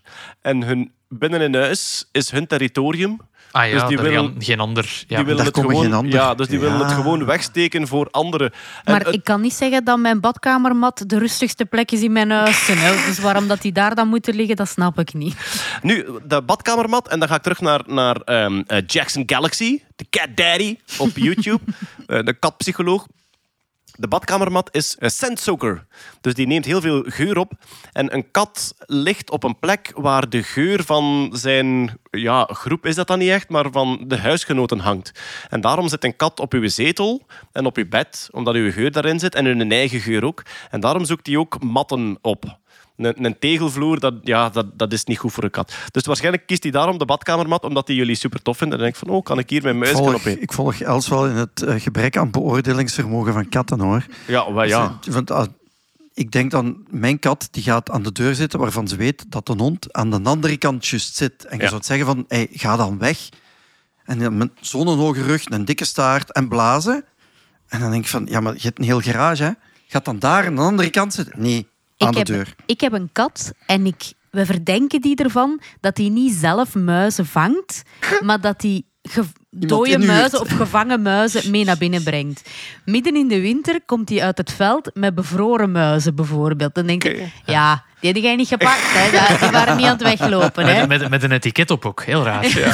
En in de zomer zijn die zo al half verteerd en zo, dat je denkt, ja, je bent weer ergens op een muis opgelopen. Hè, ja. Zeg Peter, maar zou dat zo bij u, dus uw kat zit dan bij uw hond, zou dat niet zijn omdat de geur van het gezin in de hond hangt? Die wil eigenlijk op die hond haar muizen gaan leggen. Wacht even. Is een, een groot kwaad badkamertapijt. Sommige Ze honden doet, wel. dat, ze doet dat met de honden van de buren ook. Ah. Aan de haag gaan zitten, terwijl die twee honden aan de andere kant Dan, staan dan zal ik uw familieleden eens ondervragen. Maar ja, dat is ook zoiets. Ja, dat is nu een nieuwe theorie. Hè. De katten brengen dat Ja. niet naar u. Nu, op zich past het wel meer bij katpsychologie dat ze geen cadeautjes komen brengen. Ja. Cats Ja. don't do gifts. hè. Ik bedoel, ja, it's all about them. Dus het past wel meer daarbij. Is dat nu waar of niet? Ja, dat is moeilijk te zeggen. Nu, nu gaat daar nieuw onderzoek voor nodig zijn. Ik heb nu wel in mijn AI-voorstelling een mop over katten die cadeautjes brengen. En die ga ik dus niet schrappen. Hè. Dus nee, oh. ehm, Oh, voor de mensen die de podcast luisteren, die mop gaat erin zitten. Want we zijn nog niet zeker dat dit de andere theorie is. En eh, mensen komen soms naar mij en die zeggen dan van ja, in de AI-voorstelling, we hadden sommige dingen al gehoord in de podcast. Ja, dat gaat niet anders. Ja, maar dat is zo, omdat ik Je doe... kunt ook dingen ineens niet meer niet weten. Ja, maar ja, ik heb, ik heb dat wel geprobeerd. Dus ik, heb, ik was aan die voorstelling aan het werken en er was dan a- een tof AI-nieuwsje. En dan dacht ik, ah, weet je wat, dan zeg ik het niet in de podcast, dan hou ik het voor de voorstelling. Maar dat voelt... Ja, nee, maar dat voelt zo... Ik weet, Hetty zit daar ook soms mee. Maar Als dat ze voelt zo zo voor haar, voor haar overzicht, dat ze dan zo aan het zeggen is maar dat is iets supergoed voor in mijn show. Gaan we dat nu wel in de podcast zeggen? Uiteraard, ja. Ah, wel, maar daarom Wij, dat wij even... brengen onze fijnste waren en specerijen mee naar hier. en Gulle zit, Gulle zit de goede shit achter Ah, nee, juist niet. Ah. Juist niet. Ik, heb, ik, ik dacht even, moet ik dat nu zo doen? Omdat mensen soms die geven. En toen dacht ik van ja, nee, het is, het is een beetje de deal. Hè. de, in, in de podcast vertellen we wat ons is opgevallen de voorbije maand. Als ik aan het researchen ben voor een nieuwe show, ja, dan vallen er mij dingen op die ik dan ook in de podcast zeg. En dan zitten daar hints van in de voorstelling. Dus dat is bij, deze, bij deze is dat een soort disclaimer. Uw show is een mooier, coherenter overzicht. Ik denk dat, dat het, het, het samenpuzzelen naar 20 podcasts of naar uw show gaan, Ja. dat het wel gemakkelijker Ja, en entertainender ja. is. eh. Ik moet zeggen, ik denk dat er heel weinig mensen zijn die heel de podcast twee keer beluisteren, zoals ik. En dan de tweede keer echt super, super gedetailleerd beluisteren. En ik vond de show nog altijd heel tof. Ah, voilà, zeg. Ja, kijk, dat, is- dat is al Ik, goed ik, om ik, ik zet mijn eigen moppen wel tien keer op. Dat, Ja. ik zet die van u ook meestal tien keer op. Op repeat, ja, in de notto. dat is een soort van thera- therapeutisch middel dat mijn eh, psycholoog mij heeft voorgeschreven. Dus. Ja, wat hebben we hier nog staan van nieuwsjes? Els, een icoon van de wetenschapscommunicatie, gaat op ja, pensioen, moeten we dan zeggen. Maar ik hoop dat hij nog heel actief blijft. We hebben natuurlijk over Frank de Bozere. Voor de mensen die in Nederland luisteren, Frank de Bozere is in de eerste plaats eh, weerman Ja. in België, maar in de tweede plaats ook een soort titulaar. Enfin, iemand die heel vaak de extra uitleg gaf en ehm, de extra feitjes en dat soort dingen hè. Ja, Frank de Bozere is eigenlijk vooral een, echt een volbloed nerd. Die, die, die zelfs zijn, zijn legerdienst niet gaan doen is, maar die heeft dan bij een, pla- bij een planetarium, bij een volkssterrenwacht, heeft hij zijn, eh, Burgerdienst. zijn burgerdienst Ah, ja, ja. gedaan en zo. Dus een echte, echte, echte. En zijn website, waar we het vaak Oh. over hebben. Ja. Oh De ja, meest heerlijk. artisanale HTML-website Ja. van de, van, de- van de Want wereld. Mensen stellen hem constant vragen en hij dacht, in plaats van ze één keer te beantwoorden, kan ik ze beter op mijn website zetten. Dan kan ik altijd terugverwijzen. En dat is nu een soort mini-Wikipedia van, Ja. van weerfenomenen en sterrenkundevragen. hè. Maar het is ook een beetje een soort van national treasure. Dus die is eh, 36 jaar de, de weerman geweest van de, van de openbare omroep, van de VRT. En eh, ja, dat is ook iemand die niet per se altijd in het middelpunt van de belangstelling moet staan. Die er alles aan doet om niet te veel in de aandacht te maar staan. die ook, ja. zichzelf zo aan dat publiek geeft. Ja. Als die iets vragen, hij is daar. Wil je op de foto? Wil je op drie foto's? Allee, Een hele toegankelijke mens. ja, hè. ja, ja. ja. En ehm, ik heb dus de afgelopen weken eh, voor de radio eh, iets heel leuk mogen doen. Namelijk, ik heb een heel programma mogen in elkaar steken waarin dat we afscheid namen Oh. van Frank. Want hij heeft ook voor Radio 2 heeft hij 33 jaar lang elke zaterdagochtend, uitgenomen hier en daar een keer, denk ik. eh, maar zo goed als elke zaterdagochtend was hij live op post, waar dat wij ook waren. locatie, Want ja. dat is de ene keer is dat in Knokke-Heist, de andere keer is dat in Heusden-Zolder, weet ik veel waar. Die was daar elke keer vaak met de fiets en kwam die live het weer brengen. Ja, ze hebben een berekening gedaan, want die, ja, als die op de VRT rondliep, dan liep die van de, van de, van de ene studio naar de andere, zowel radio als tv. En dan gaf die constant weerberichtjes, meerdere per dag. En eh, er was nu iemand die zei, volgens mij heeft hij er 100.000 gedaan.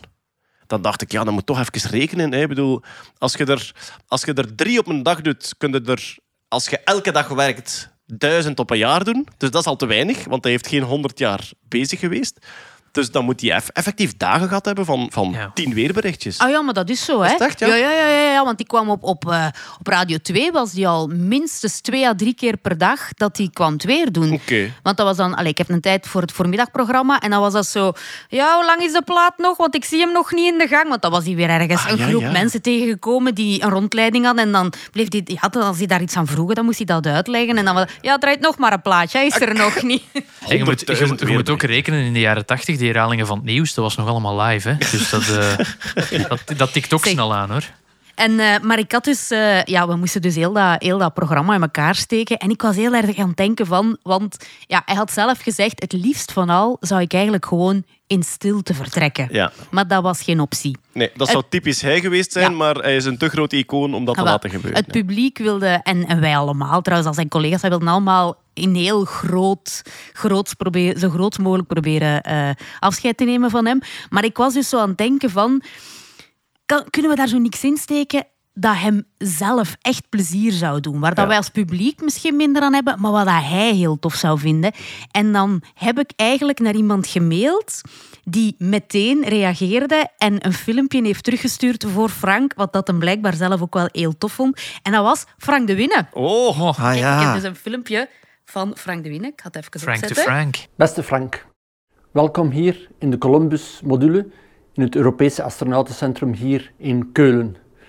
Uh, we hebben natuurlijk heel veel van jou genoten elke keer dat je tijdens de weerberichten eh, meedeelde waar we het ISS konden zien.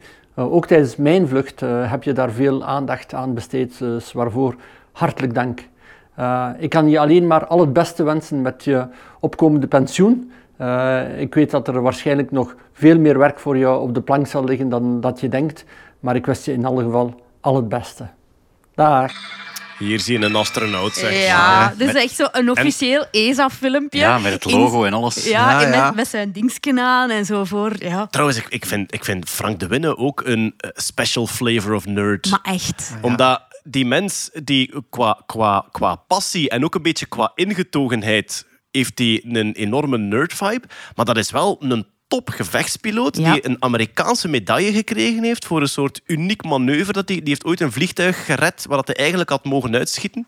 En dan denk je van, hoe combineer dit? Hoe combineer dit in één mens? Zo de, Ja. de timide doordachtheid en dan toch zo de, de complete Maar- coole focus. Maar ook zo, hè, dus ik, heb dan, ik stuur dan een mailje zo naar Frank de Winne, at ESA. Hè, zo heel onnozel van, zeg, eh, Frank de Bozer die gaat op pensioen en dat zou misschien wel leuk zijn. Zelfde dag nog, reactie, komt in orde. Twee dagen Top. later filmpje in mijn dingen. Hè. Zalig. Ik herinner me nog, lieven, dat, dat we hebben Frank de Bozeren als gast gehad in de Schuren van Scheire. Juist, ja. En ik weet nog dat... Dus ik had die al wel een paar keer, eh, een paar keer ontmoet op de VRT, heel kort. Maar eh, ik weet nog, in die opname was die zo enthousiast dat ik dacht... Wat de tv-makers hier vinden van Kurt, jij, Ikke en Henk, zijn de... Wat een, wat een onbegrijpelijk bevlogen bende zotten is dat hier. Zo blij zijn met dit. Ja, Ja, zo, zo blij zijn met Dat hadden wij met Frank. Ja, tuurlijk, ja. Dat was ongelooflijk hoe... Maar Den Asimo-robot was daar Ja. in zijn uitzending. Ja. En die kwam opgelopen. En Frank was er echt 10, 20 seconden van overtuigd dat wij ehm, een kindacteur in een pakje gestoken hadden. Echt waar, die dacht dat echt. En ik zie hem nog, want die heeft dan echt zo naar die een robot gegaan en daarvoor geknield en zo in dat helmpje gekeken. Dat was compleet gebiologeerd En daardoor. ik voel me ook een heel klein beetje slecht ten opzichte van Frank de Bozer, maar het is echt zoiets waarvoor dat je je eigenlijk niet hoort slecht te voelen, maar ik doe het toch. Klinkt als Bart. Ja, absoluut.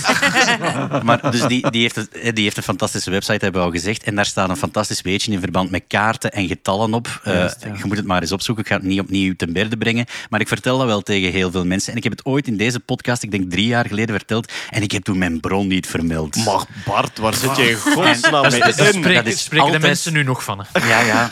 Dat zit, Dat. Sorry, Frank. Het gaat hem over het aantal mogelijkheden als je een kaartenboek schudt. Ja. Als je een kaartenboek blijft schudden Ja. totdat hij op een bepaalde samenstelling zou uitkomen, hoe immens Zoiets, lang ja. dat, dat Maar zou ga, ga het vooral- kijk het vooral op eh, Frank Voilà. de Bozer zijn website. Link in de show notes. En waar komt Frank de Bozere Ja, in zijn pensioen spreken? we hebben hem al elk jaar gevraagd om naar Nerdland Festival te komen. Toen nog Sound of Science zelfs. En hij kon nooit, want hij moest natuurlijk altijd werken in het weekend. dat is dat maar weer. Ja, en dat was altijd van...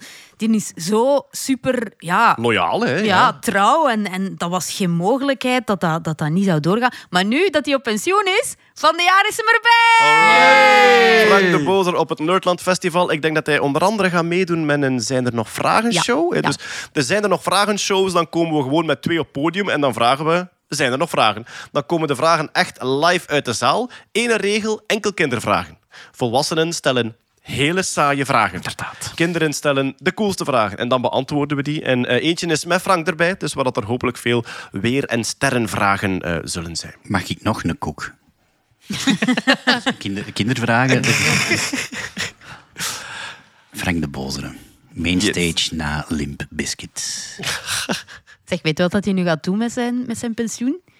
Die kan dus heel goed piano spelen. En die gaat nu ja. in, in woonzorgcentra piano spelen voor dementerende mensen. Echt Maar- waar, Ja. ja? Ja, die doet dat nu al af en toe een keer. Zeg maar, sorry, maar he makes us look bad. Dat is echt, Echt, over, hè? dat is echt overdreven sympathiek. Ga eens poepen op Ibiza. Wees eens een mens. Ja.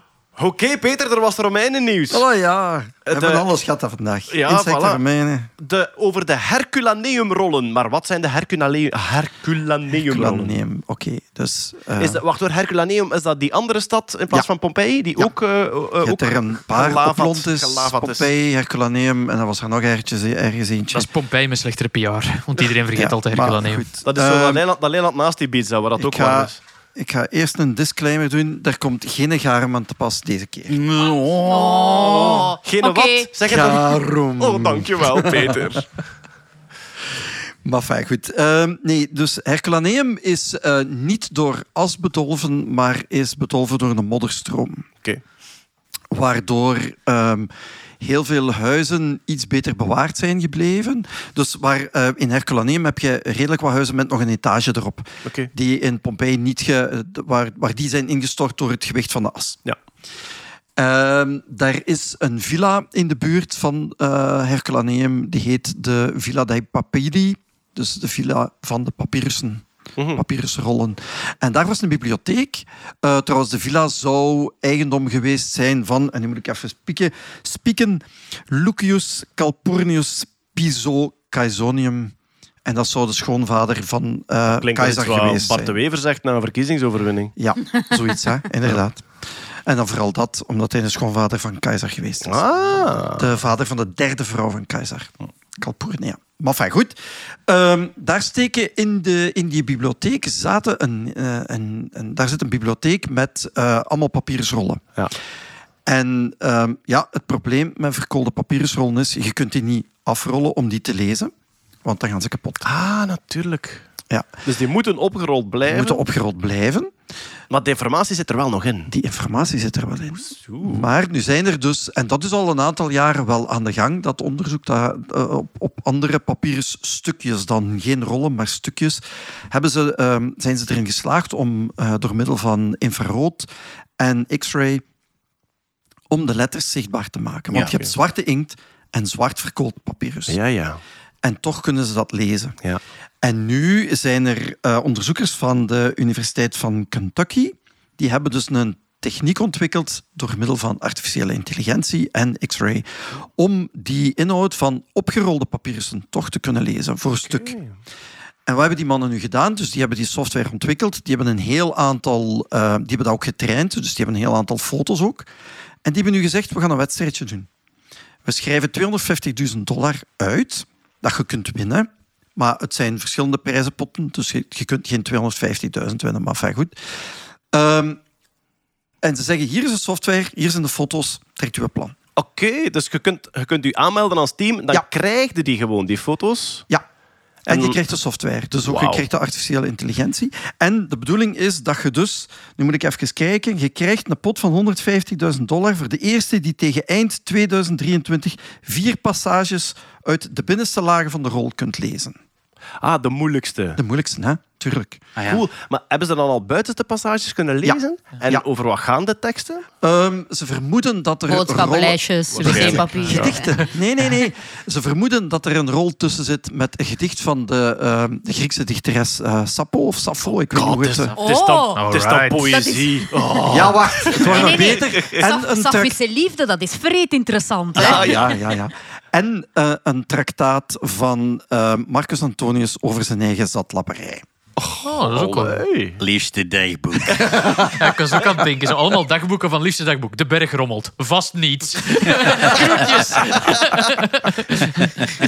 Ja, en dan zou er ook ehm 50.000, eh, een prijs van 50.000 dollar zijn voor de eerste die ehm, het programma nog beter kan maken in eh, de, te- de detectie van die inkt op eh, de verkoolde achtergrond. Ze krijgen dus het programma, maar dat programma moet nog gefine-tuned worden om te Ja. werken. Het is Ja, niet ja, gewoon dus- van, eh, hier heb je de input, run het en de eerste die het klaar heeft. daar krijg je ook iets voor, maar als je het nog beter kunt Ja. maken, daar zijn ook prijzen Eigenlijk voor. is dit de training van het programma aan de hand van, eh, ja, van mensen. Nee. Ja, ze gaan het Ja, uitbesteden. En natuurlijk, ja. ja. Training van het programma. Ja. Ja. Zij, zij zeggen gewoon, wij hebben er nu niet genoeg tijd voor. We gaan een wedstrijdje doen, dan kunnen er veel meer mee doen. En dan gaat er veel meer eh, tegelijkertijd aan worden gewerkt. Maar ze kunnen niet controleren of wat dat je instuurt juist is. Ik kan anders Allee, wel ze- wat Safische rollen volschrijven bij Het is dat, ja. Ja. Oh, die keer dat ik zo zat was op de trappen van het Forum Romanum. Ik weet het nog goed genoeg. 250.000 lappen, alsjeblieft. Wat gaat het doen? Een mond rollen om te controleren? Mag niet, hè? Maar eh, ja, dat, dat is ook iets wat heel vaak gezegd wordt in, in de archeologie. Dat je altijd rekening moet houden met technieken die er nog aankomen. Ja. Zo- Zodanig dat alles, alles wat je opgraaft... Ik zou dat niet wegsmijten, is een beetje de... Ja, inderdaad. Ja. Maar ook zelfs, eh, zelfs bepaalde scheepswrakken die ze weten liggen. Ah, ja. Maar waarvan dat ze nu denken, ja, het bewaart eigenlijk beter waar dat nu ligt dan als we het naar boven halen. Maar dat is ook de filosofie van de nieuwe directeur, want er is een nieuwe directeur in Pompeii. Ah ja, juist. Eh, ja. en die zegt ook van, kijk, we gaan niet alles... ehm, Is dat Nino van Plopsaland die nu bij Pompeii is? Nee, toch niet, nee, nee. Het is, Ik had daar eh, ineens het is, drie eh, keer zo rap. Ga hier wat tegen de lijken gaan roepen. Stom stuk steen. Jij ligt al 30 jaar op dezelfde plek. Jij bent niks. Popper de popper de pop. Pomper de pomper de pomp.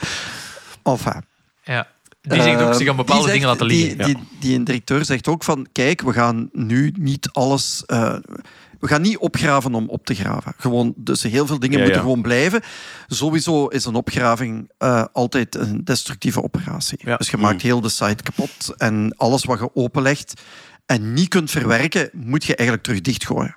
Ah, wel, maar met Melanie During hè, van het Dino-onderzoek, eh, die was nu ehm, bij Scherende Schepping. We hebben opnames gehad van Scherende Schepping. De uitzending is eh, uitgesteld, eh, dus eh, ja, voor dat, eh, zo gaat dat met eh Maar paniekvoetbal. Melanie During komt wel naar het Nerdland Festival. Voilà. Dus voilà. Zo gaat dat bij het paniekvoetbal bij de zenders, ging net zeggen, want ik heb nog niks gezegd over zenders vandaag, over televisie. Ah. Van waar, van waar komt dit Eh, allemaal? ja, voilà. Weet je wat dat wel gewoon doorgaat op zijn geplande tijd? Het Festival. Ah, dat door Jinx zit. Maar eh, Melanie Durink eh, die, ehm, eh, was dus eh, in het land en die was aan het uitleggen ook over scantechnieken. En zij zei van ja, met die, met die nieuwe eh, stralingstechnieken en isotopenstudies kunnen wij nu dingen bestuderen waarvoor dat we, waardoor dat we ons eigenlijk afvragen van oei, de manier waarop wij vroeger die fossielen aan het blootleggen waren, hebben wij redelijk wat informatie weggeschuurd. Omdat zij nu eigenlijk zelfs ehm, huidschubben en zo via isotopenonderzoek kan gaan, gaan bepalen uit stukken die vroeger afgeschuurd werden. Ik zeg er altijd uit als ik moet opruimen. Ik zeg van we gaan wachten op betere technieken. Ja. Ah, Maar anders moeten we eens vragen aan Melanie Durink of dat ze niet wil meedoen aan de wedstrijd. Maar ja, scantechnieken zoeken ze niet echt. Hè. Dat, dat, hebben ze, dat stuk is eigenlijk al, eh, al gecoverd. Oké. Dan heb ik eigenlijk nog maar eh, eh, één iets om eh, over te vertellen. En dat is gewoon mijn eigen eh, blije nerdreisje van vorige week. Ik moest vorige week optreden in Zoetermeer in Nederland, hè, vlakbij Den Haag. En ik was aan het wachten. En want je, moet dan, je zit er als middags en je moet dan heel lang wachten. En ik kijk op Google Maps. En wat ligt er naast het theater in Zoetermeer? Het Nationaal Videogame Museum. Ja, we hadden dat, dat hebben wij WhatsApp-foto's doorgekregen. zeg. Manneke, manneke, manneke, manneke. Ik wandel naar binnen en ik dacht, ik dacht, het is een museum. Dus ik dacht echt van, ik ga zo wat achter glas kijken naar een moederbord dat opengewerkt ligt. Nee, 300 klassieke arcadekasten van de originele Pong tot nu. Je betaalt 12,5 euro inkom en je mag twee uur spelen op alles dat je tegenkomt. Enfin, van kasten, hè. Niet, nou ja, dat we niemand illegale dingen laten doen. Eh, ja, dat is daar ongelooflijk. Nu, ik was daar in het weekend en dan loopt dat daar eh, stampenvol. Hè. Dus, dan, Dus je nu- kunt eigenlijk nergens op spelen, want er zit overal Ah, iemand op. Jawel, Peter, want ze laten 200 man binnen en er staan 300 kasten. Er zijn, Ah. altijd, Aha. er zijn altijd kasten vrij, maar Dat is natuurlijk... goed gezien. Dat. Je Ja, hebt laat, wel... het, laat het dan een Hollander voor zo'n systeem Ja, te werken. maar- Ja, ja. Dat Je is... hebt natuurlijk wel de coole spelletjes. Hè. Je hebt zo Ja. die Ja. Star Wars pods, waar je volledig zo'n complete bubbel waar je inkruipt. En met een soort 180 graden. Ah nee, wacht, we hebben steradialen nodig, Bart. Eh, Eh, vier PS totaal. Vier pi is totaal, dus, Dus dat, zal, pi. dat zal pi geweest zijn. Ja, eh. ja, het zal pi, pi steradiaal. Dus Ja. inderdaad, zo de, de, de kwartbol voor u Ja. wordt volledig Ik dacht dat juist dat het over videospelletjes ging, maar nu versta ik niet meer wat dat Het is, gaat het is een soort van ge- gebogen scherm. Ja, ja, Ja, inderdaad. Zo gekromd een, scherm. een, een beetje IMAX, maar dan En in een heel heb je klein dat bolk. gespeeld, lieve? En wel, dat is dus het potje dat altijd bezet is. Ja, Dus waarschijnlijk. waar je niet ingeraakt. Dus hoeveel kleine Hollandse kinderen hebben afgeranseld er Je hebt zo F-16 eh, ehm, eh, spelletje, Afterburners heet Ja. het, denk ik. Eh, Outrun, het klassieke spel dat de Johnny's altijd speelden, waar je zo in een, in heel gepixeleerde rode cabrio met je arm rond een blonde deerne Miami Vice. ja, voilà, zo over de, over de dingen rijdt. De Mortal Kombat stonden daar, de originele. Ehm, Time ja, Crisis, waarschijnlijk ook Time- wel. het zou kunnen. Op hun website staat er een hele Ja. lijst met alles wat Park heb ik ook eh, Ja. een foto van gezien. Maar Ja. ook met een wagentje waar je in kunt zitten. En je moest dan schieten. Nee. Xander, Xander eh, de Rijke kende het spel, hè, het, eh, het Jurassic Park spel. En die gaf mij ook de backstory. Je moet dus schieten met geweren en raketlanceerders. Maar dat paste niet in dat verhaal, want je schiet geen din- Dino's dood, nee. Dus eh, je, je verdooft ze. Ja, met, een ra- met een raketlanceerder. Ja. Met een gigantische verdovinglanceerder. Ja. Ja, ja voilà. Ehm, en ook zo die, die auto's die meebewegen, zo die autostoelen die meebewegen als je aan het racen bent, waar dat vroeger op de kermis alleen de coole gasten op mo- mochten. Als ik daarop ging zitten, kreeg ik op mijn muil. Hè, want ja, kermis is op je muilen krijgen in Wachtenbeek. Ehm, dus ja, ik, eh, ik eh, heb daar heerlijk rondgehuppeld. Ik was daar op een zaterdagnamiddag. Ehm, ze werken in slots van twee uur. het tijdslot tussen 12 en 2 was daar eigenlijk bijna niemand. Dus als je daar naartoe gaat op een weekdag, op zo 10 tot 12 of 12 tot 2, ook, het is 12,5 euro voor één tijdslot, maar 17,5 voor 4 uur in plaats van 2. Wat? En, ik heb, En ik dat je heb daar wilt blijven wonen. ik heb daar gezegd aan dat theater, ik zeg dat jullie, dat jullie nog buiten komen. Ik snap het niet. Waarom, waarom zitten jullie hier in mijn zaal? Hiernaast. De, het optreden was bijna gecanceld wegens Mortal Kombat. Ik was nu juist aan het denken, als uw computerspelletje is de dino's verdoven op een eiland, waarom doen we dat dan niet Sedation Island? Maar dat, is, dat, dat zou een zeer slechte tv-reeks kunnen Dat is on- waar. oneerlijke tv-reeks kunnen zijn. Ook, ja. Ja, ja, ja. Het beste moment. Ik loop daar rond in dat museum, eh, enfin, in die, in die eh, eh, vintage speelhal. Opeens staat daar een van die kasten opengewerkt. En staat daar iemand met een t-shirtje van het Nationaal Video Ga- Game Museum in te vijzen.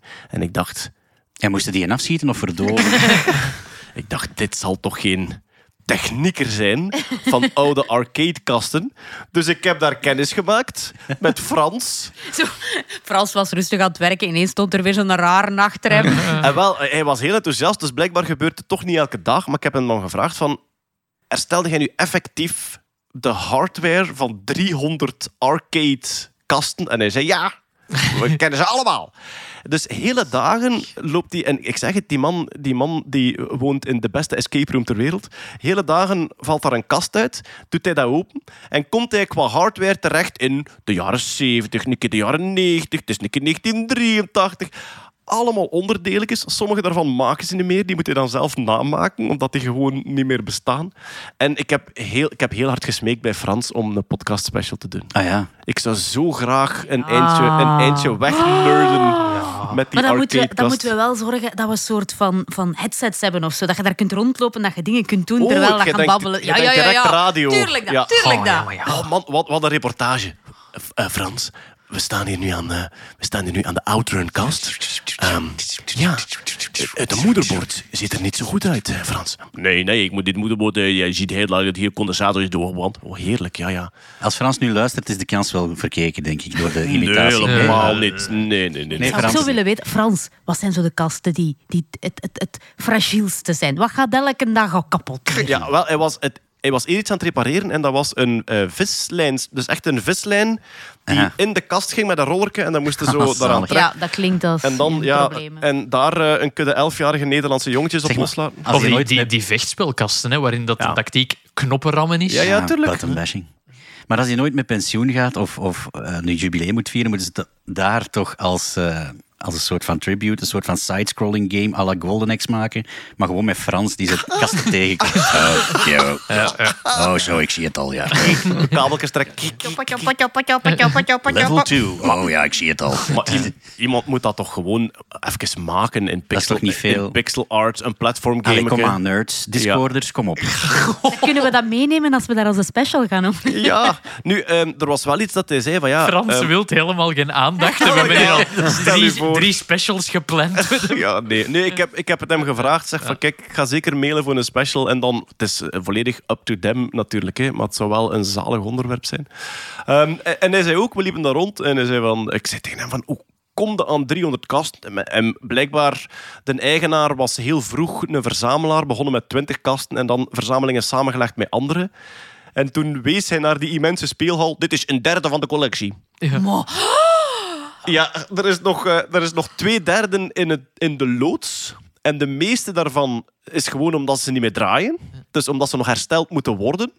En de andere, ja, die hebben we dubbel of, of, of gelijk wat. Maar er is dus nog veel meer. Zeg Ja. maar, kan dat zo geen tent zijn op het Nerdland Festival? Dus dat is een tent vol met, ar- vol met arcadekasten. Ik weet, maar er, dan... is, er is sowieso iets met, Ja? met heel veel flipperkasten en... en, en Ah, wel ja, maar als je, als je een tent vol met arcadekasten pakt en dan een plexiwand, zodat niemand eraan kan.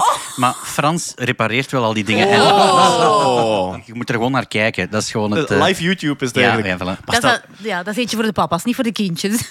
stel je voor dat hij een YouTube-kanaal begint. Ja. En elke keer als hij repareert, doet hij een uitleg van dat werkt hier zo. Want als ik hem tegenkwam, Ah, lag er zo... Ja. Ja, ik wil dat hem geen uitleg geeft. Zo, Oh ja, nee, dat, dat fix ik wel even. En dan is Oh. dat pure stilte. en zo. Maar Jullie zijn nu zo een personage aan het maken van Frans. Dat is Ja, dat is ook ongelooflijk. wel- ja. Jij bent begonnen. Hij heeft ook een, snor, heeft een- een snor in mijn, mijn hoofd ook. En het kan me niet schelen Ja, dat hij echt een snor heeft. ik wil het niet weten. ik heb een geen- snor. En springt hij op eh, schildpadjes. Je- je- In, in jullie hoofd wordt hij gespeeld door Luc Deu. Ik zie het nu al. Hè. Waar is met die cassette? Ja. Eh, maar kijk, het was een geweldig avontuur. Geen sponsor trouwens. Hè. Dit is allemaal eh, oprecht enthousiasme. Ik Maar heb Frans, we zijn benieuwd een naar je. heerlijke tijd gehad. En ik hoop dat we dan een keer over die techniek kunnen praten. Wat hij ook zei was dat zij heel veel... ehm, ja, het, het is effectief escape room werk. Hè. Het is open doen. Je Ja. kunt de handleiding niet vinden online. Je moet zelf een beetje zoeken. En hij zegt, ehm, er zijn redelijk wat ehm, klassieke arcadekasten, verzamelaars en reparateurs. Maar hij zei, er is geen community. Dus over heel de wereld zijn waarschijnlijk tientallen mensen dezelfde problemen aan het uitzoeken en oplossen. En dus dat is iets waar hij van droomt.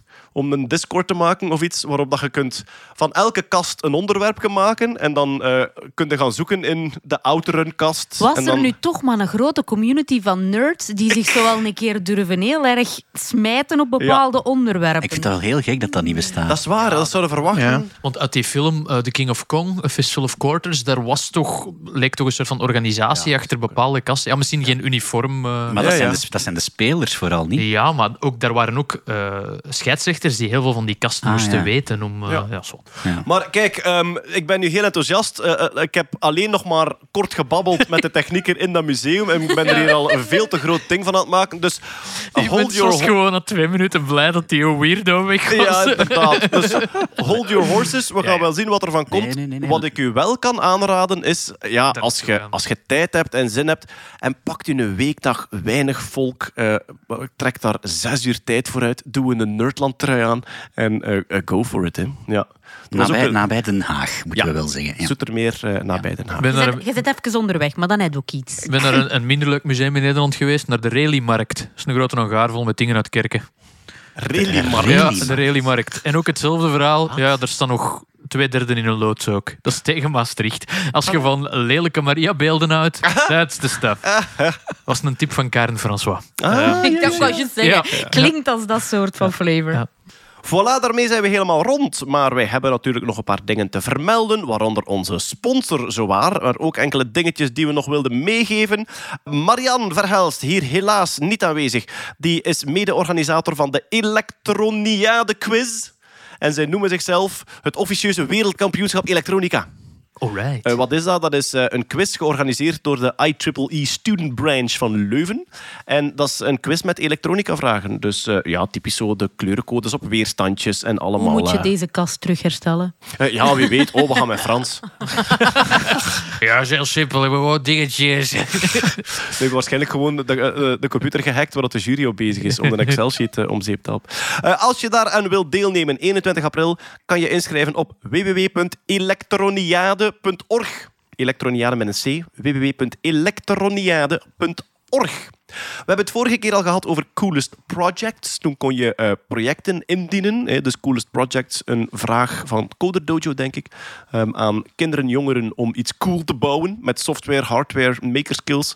En die kunnen al hun projecten komen ehm, presenteren in Technopolis op 22 april. En ja, dat is deze maand. Dus eh, wie daarnaar wil gaan kijken, wat moet je je voorstellen? Een grote ruimte vol met tafeltjes. En achter elk tafeltje een enthousiaste eh, groep. eh, ja, lagere schoolkinderen, vroeg middelbare schoolkinderen. ehm, die iets gebouwd hebben en die u met heel veel plezier en passie uitleggen hoe het werkt en wat ze gedaan Er zijn mensen die daar niet welkom zijn. En dat zijn de mensen die een ticket hebben voor Nerdland Live in Arenberg. Want die moeten die avond in de Arenberg zijn. Ah, ja, ja, maar die zijn, ja, Die zijn er niet, maar ja, voilà. die tickets zijn al weg. Hè. Ja. Dus eh, je kan daar gaan huilen als je geen ticket hebt. Voilà. Voor, ja, voilà. Ik speel verder in Nederland ook de komende maand. Dus ik vernoem even de plaatsen die ik komende maand aandoe in Nederland voor een optreden met mijn AI-show. En dat zijn Venlo, Roosendaal, Heerlen, Eindhoven, Nijmegen, Tilburg, Terneuzen, Delft en Gouda zijn allemaal aan de beurt in april en begin mei. En dan hebben we nog... Ja, Ik heb ook nog lezingen. jeroen-baard.be. voilà. Ik zou graag gerustgelaten worden. En misschien kunnen we toch ook nog aankondigen dat we wel een redelijke naam hebben ook op Nerdland Fest. We hebben het nu al een paar keer vernoemd. Ik weet het, ik weet het. Het is het moment om de tickets te kopen, dus daarom dat we daar nu een beetje over bezig zijn. Het Nerdland Festival, Els, ik, heb, eh, ja, ik ben vandaag nog een keer door de Excel-sheet van die planning gegaan. Dat, dat is, ja, het water loopt me in de mond. Ehm, wie stond er allemaal tussen? Frank de Bozere om te beginnen. Ehm, Ik ga met Jeroen eh, een beetje Lieve ja. Scheire van Naldi en Hetty ja. van Naldi doen. We gaan een keer Ja. proberen voor Een duo-show? Ja. Wow. Het die een levende kindershow kunnen we ook. Ja, ehm, eh, Simon Watt komt. Simon Watt is een eh, de Britse tv-presentator en bioloog. En die heeft de Ugly Animal Preservation Society. En die gaat naar eh, zoveel mogelijk landen om daar het lelijkste dier van het land te verkiezen. Om, ehm, de- om, om die ook te beschermen. Dat is niet wat er op Nerdland Festival is. Je moet, allee, bedoel, je moet geen schrik hebben om daar uitgeroepen te worden tot lelijkste Nee, dier nee, van nee, nee, niet persoonlijk. Ja, Eh, maar ja. dus hij vindt, dat, hij vindt dat lelijke dieren ook bescherming verdienen. En de ondertitel is ehm, eh, We Can't All Be Pandas. Dat is waar. Eh, Alle dus, chance. eh, ja, voilà. Peter, jij gaat daar ook staan. Ik ga met daar uw, ook staan. Insecten, insecten show ding. Ja. En ook als onderdeel van de show van de Volksjury. Ja. Dus Ah die, ja, eh, ah, ja, je ja. doet de insecten bij de, bij de True Crime. Maden. Ja, dus eh, de Volksjury gaat daar... eh, Ja. eh, Laura en Silke van de Volksjury zijn een show aan het ineensteken. De Volksjury goes nerd. Ja, waar dat... Laura is zulke van de volksjury die Peter in toon moeten houden. ik ga kijken. Ja. Dat gaat sowieso tof. Maar er zitten nog wel een paar heel tof. Ik, ik ben het zo'n beetje mee aan het ineensteken. En ik moet zeggen... Ja, er zitten dingen tussen waarvan ik denk... Goh, ik wou dat ik op het podium stond. Ja, maar ik wil eigenlijk alles filmen, want ik wil gewoon alles, ik wil gewoon alles zien. En het gaat niet, hè, want ik moet zelf constant bezig zijn. Thomas Hertog komt. Dat is een van de topassistenten van Hawking geweest. Hè. Stephen Hawking. Eh, Thomas Hertog is eh, professor in Leuven en is heel lang eigenlijk de rechterhand van Stephen Hawking geweest. Ehm, en eh, ja, we mogen het eindelijk Ja. aankondigen. Dames en heren, hou u klaar voor een kleppertje. No Such Thing as a Fish komt een live podcast opnemen op het Nerdlands Festival. Oh! Ik, die- als komen die allemaal? mogen jij meedoen, hè? Ik denk het wel. We gaan nog zien. Hè, want dus, eh, Anna, eh, Anna is er niet bij, want die heeft net een kindje gekregen. No Such Thing as a Fish hè, dus is een, een eh, podcast, een wekelijkse podcast van de redactie van QI, het Britse programma. En zij hebben een wekelijkse podcast met Their Favorite Fact of the Week. Iets dat zij ontdekt hebben in die week. Ehm, ja, een heel populaire podcast in, in Engeland, in, in Amerika en een beetje overal in Europa ook. Ehm, en zij komen gewoon eh, een live podcast En doen. heb al eh, your favorite fa- facts of the last seven days? Ja, ik In no particular order, here we go. ik ga nog een keer moeten kijken. Ja. En komen ze allemaal, allee, bedoel, buiten Anna dan? Ja, ja. wel, dus eh, James, Andrew en Dan, ja, die, komen, die komen podcasten. Ja, ja, ja, Oh, absoluut. dat wordt moeilijk om niet te fanboyen. Heel moeilijk. Ja, eh, ik, ik denk zelfs dat eh, toevallig in, in de planning dat het zo is dat hun podcast in een andere zaal is, net voor de onze. Dus we kunnen, wel, Oh. we kunnen wel doen alsof dat voorprogramma is. Voorprogramma, hè? Ja, ja. Ja, en dan hebben we nog onze sponsor voor deze maand, Jeroen. En dat is iemand die we kennen. Iemand die we kennen, dat was gemakkelijk. Ehm, Ray en Jules, die maken koffie. Ah, Eh, inderdaad. Amai, en die En maken niet zomaar koffie. koffie, hè? Nee, inderdaad. Oh, de koffie dat die maken, zeg. We gaan beginnen met de nerdy kant van Het- Ray ja, and Jules. Het ding is, normaal voor koffie te maken, dan stoot je ongeveer 1,5 kilogram CO2 uit per kilo koffie dat je maakt. Ray en Jules hebben maar één missie en die zeggen van we reduceren dat tot nul. Eh, dus zij willen eerlijke en CO2-vrije koffie maken. En dat zou allemaal goed en wel zijn.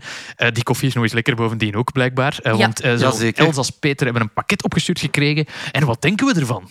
Ah, wel, ik had, eh, ik heb al, ze zijn al een keer sponsor geweest, dus ik had al een keer een pakket. En op het eindejaar hadden wij met de radio een, een heel ding, live radio, dag en nacht maken. En ik was een beetje regisseur van de nacht. En ik had als, als, als moest ik zo s'nachts langs gaan in bedrijven waar dat s'nachts mensen aan het werken waren. Dus ik ging langs bij de nachtploeg met koffie. En ja, ik had dat in huis, dus ik had daar Ray Jules koffie voor meegepakt. Manneke, dat was nog een beetje een hit bij mijn collega's. Jokes, allokes. Ik zet er zoiets van op Facebook dat ik nu terug zo'n pakketje heb gekregen. Direct ping, ping, ping in mijn Instagram. Oh, die, je hebt terug van die koffie, die was super lekker. En die koffie komt uit een koffiebrander die aangedreven wordt enkel op zonne-energie. En het is een soort van ingenieus systeem dat de bonen meerdere keren door de brander gaan. En ze dus eigenlijk op een, een heel compacte plek. Ze bouwen de machine rond de bonen, zal ik maar zeggen. Dus eh, dat ze op een heel compacte plek eh, ja, heel efficiënt eh, ja, koffie kunnen maken, koffiebonen kunnen Klopt, verwerken. Ja. En wat vond jij ervan, Peter? Ik vind, ja, ik vind het bijzonder lekkere koffie. Eh, op dit moment zat ik nu, wat was het nu weer? De Fruity Franny, denk ik. Van, ja, Franny, ja. van hele kleine boontjes. Ja, maar bijzonder, ja, ik vind het wel heel lekker. En de reden dat ze nu opnieuw sponsoren is sinds de vorige podcast dat ze eh, gesponsord hebben. Nu hebben ze iets te vieren. Ze worden drie jaar en om dat te vieren eh, ontwikkelden ze een nieuwe koffie, de Birthday Blend. Ja, die heb ik nog niet geproefd. Die Ah, zat erbij. Die ja, die zit zat erbij, maar ik heb hem nog niet De Birthday. Blend, de Brilliant Ben en de Fruity Fanny, die zitten Ja. allemaal samen in een pakket, het Ja. Nerdland pakket, eh, dat zij verkopen via array-jules.com patreon.com slash nerdland. Ik zal die link uiteraard ook op de show notes zetten. En eh, ja, dan krijg je een speciaal pakketje met, met, met koffie die, eh, die wij goed vinden. Bovendien, bovendien, sommige pakketten biologisch en ik denk ze zelfs allemaal fair trade. Hè? Ja, ja het, is, het is van top tot bottom eerlijk. ja, ja. Eh, dat, dat is een beetje het hele punt. Dus ja, wij vinden dan een fijne sponsor. Het is En een de- wetenschappelijke insteek. Er staat altijd zo'n smaakomschrijving bij, hè, van Ja, welke ja, ja, zijn wat ah, ja. robuuster, welke zijn Oh, wat ja, fruity. Fruity Franny was abrikozen en wilde rozen. Eh, Fruity Frenny is fris en fruitig, unieke delicate koffie met een vleugje citrus. Eh, Brilliant Ben is Arabica uit Brazilië, mild, romig, bitterzoet.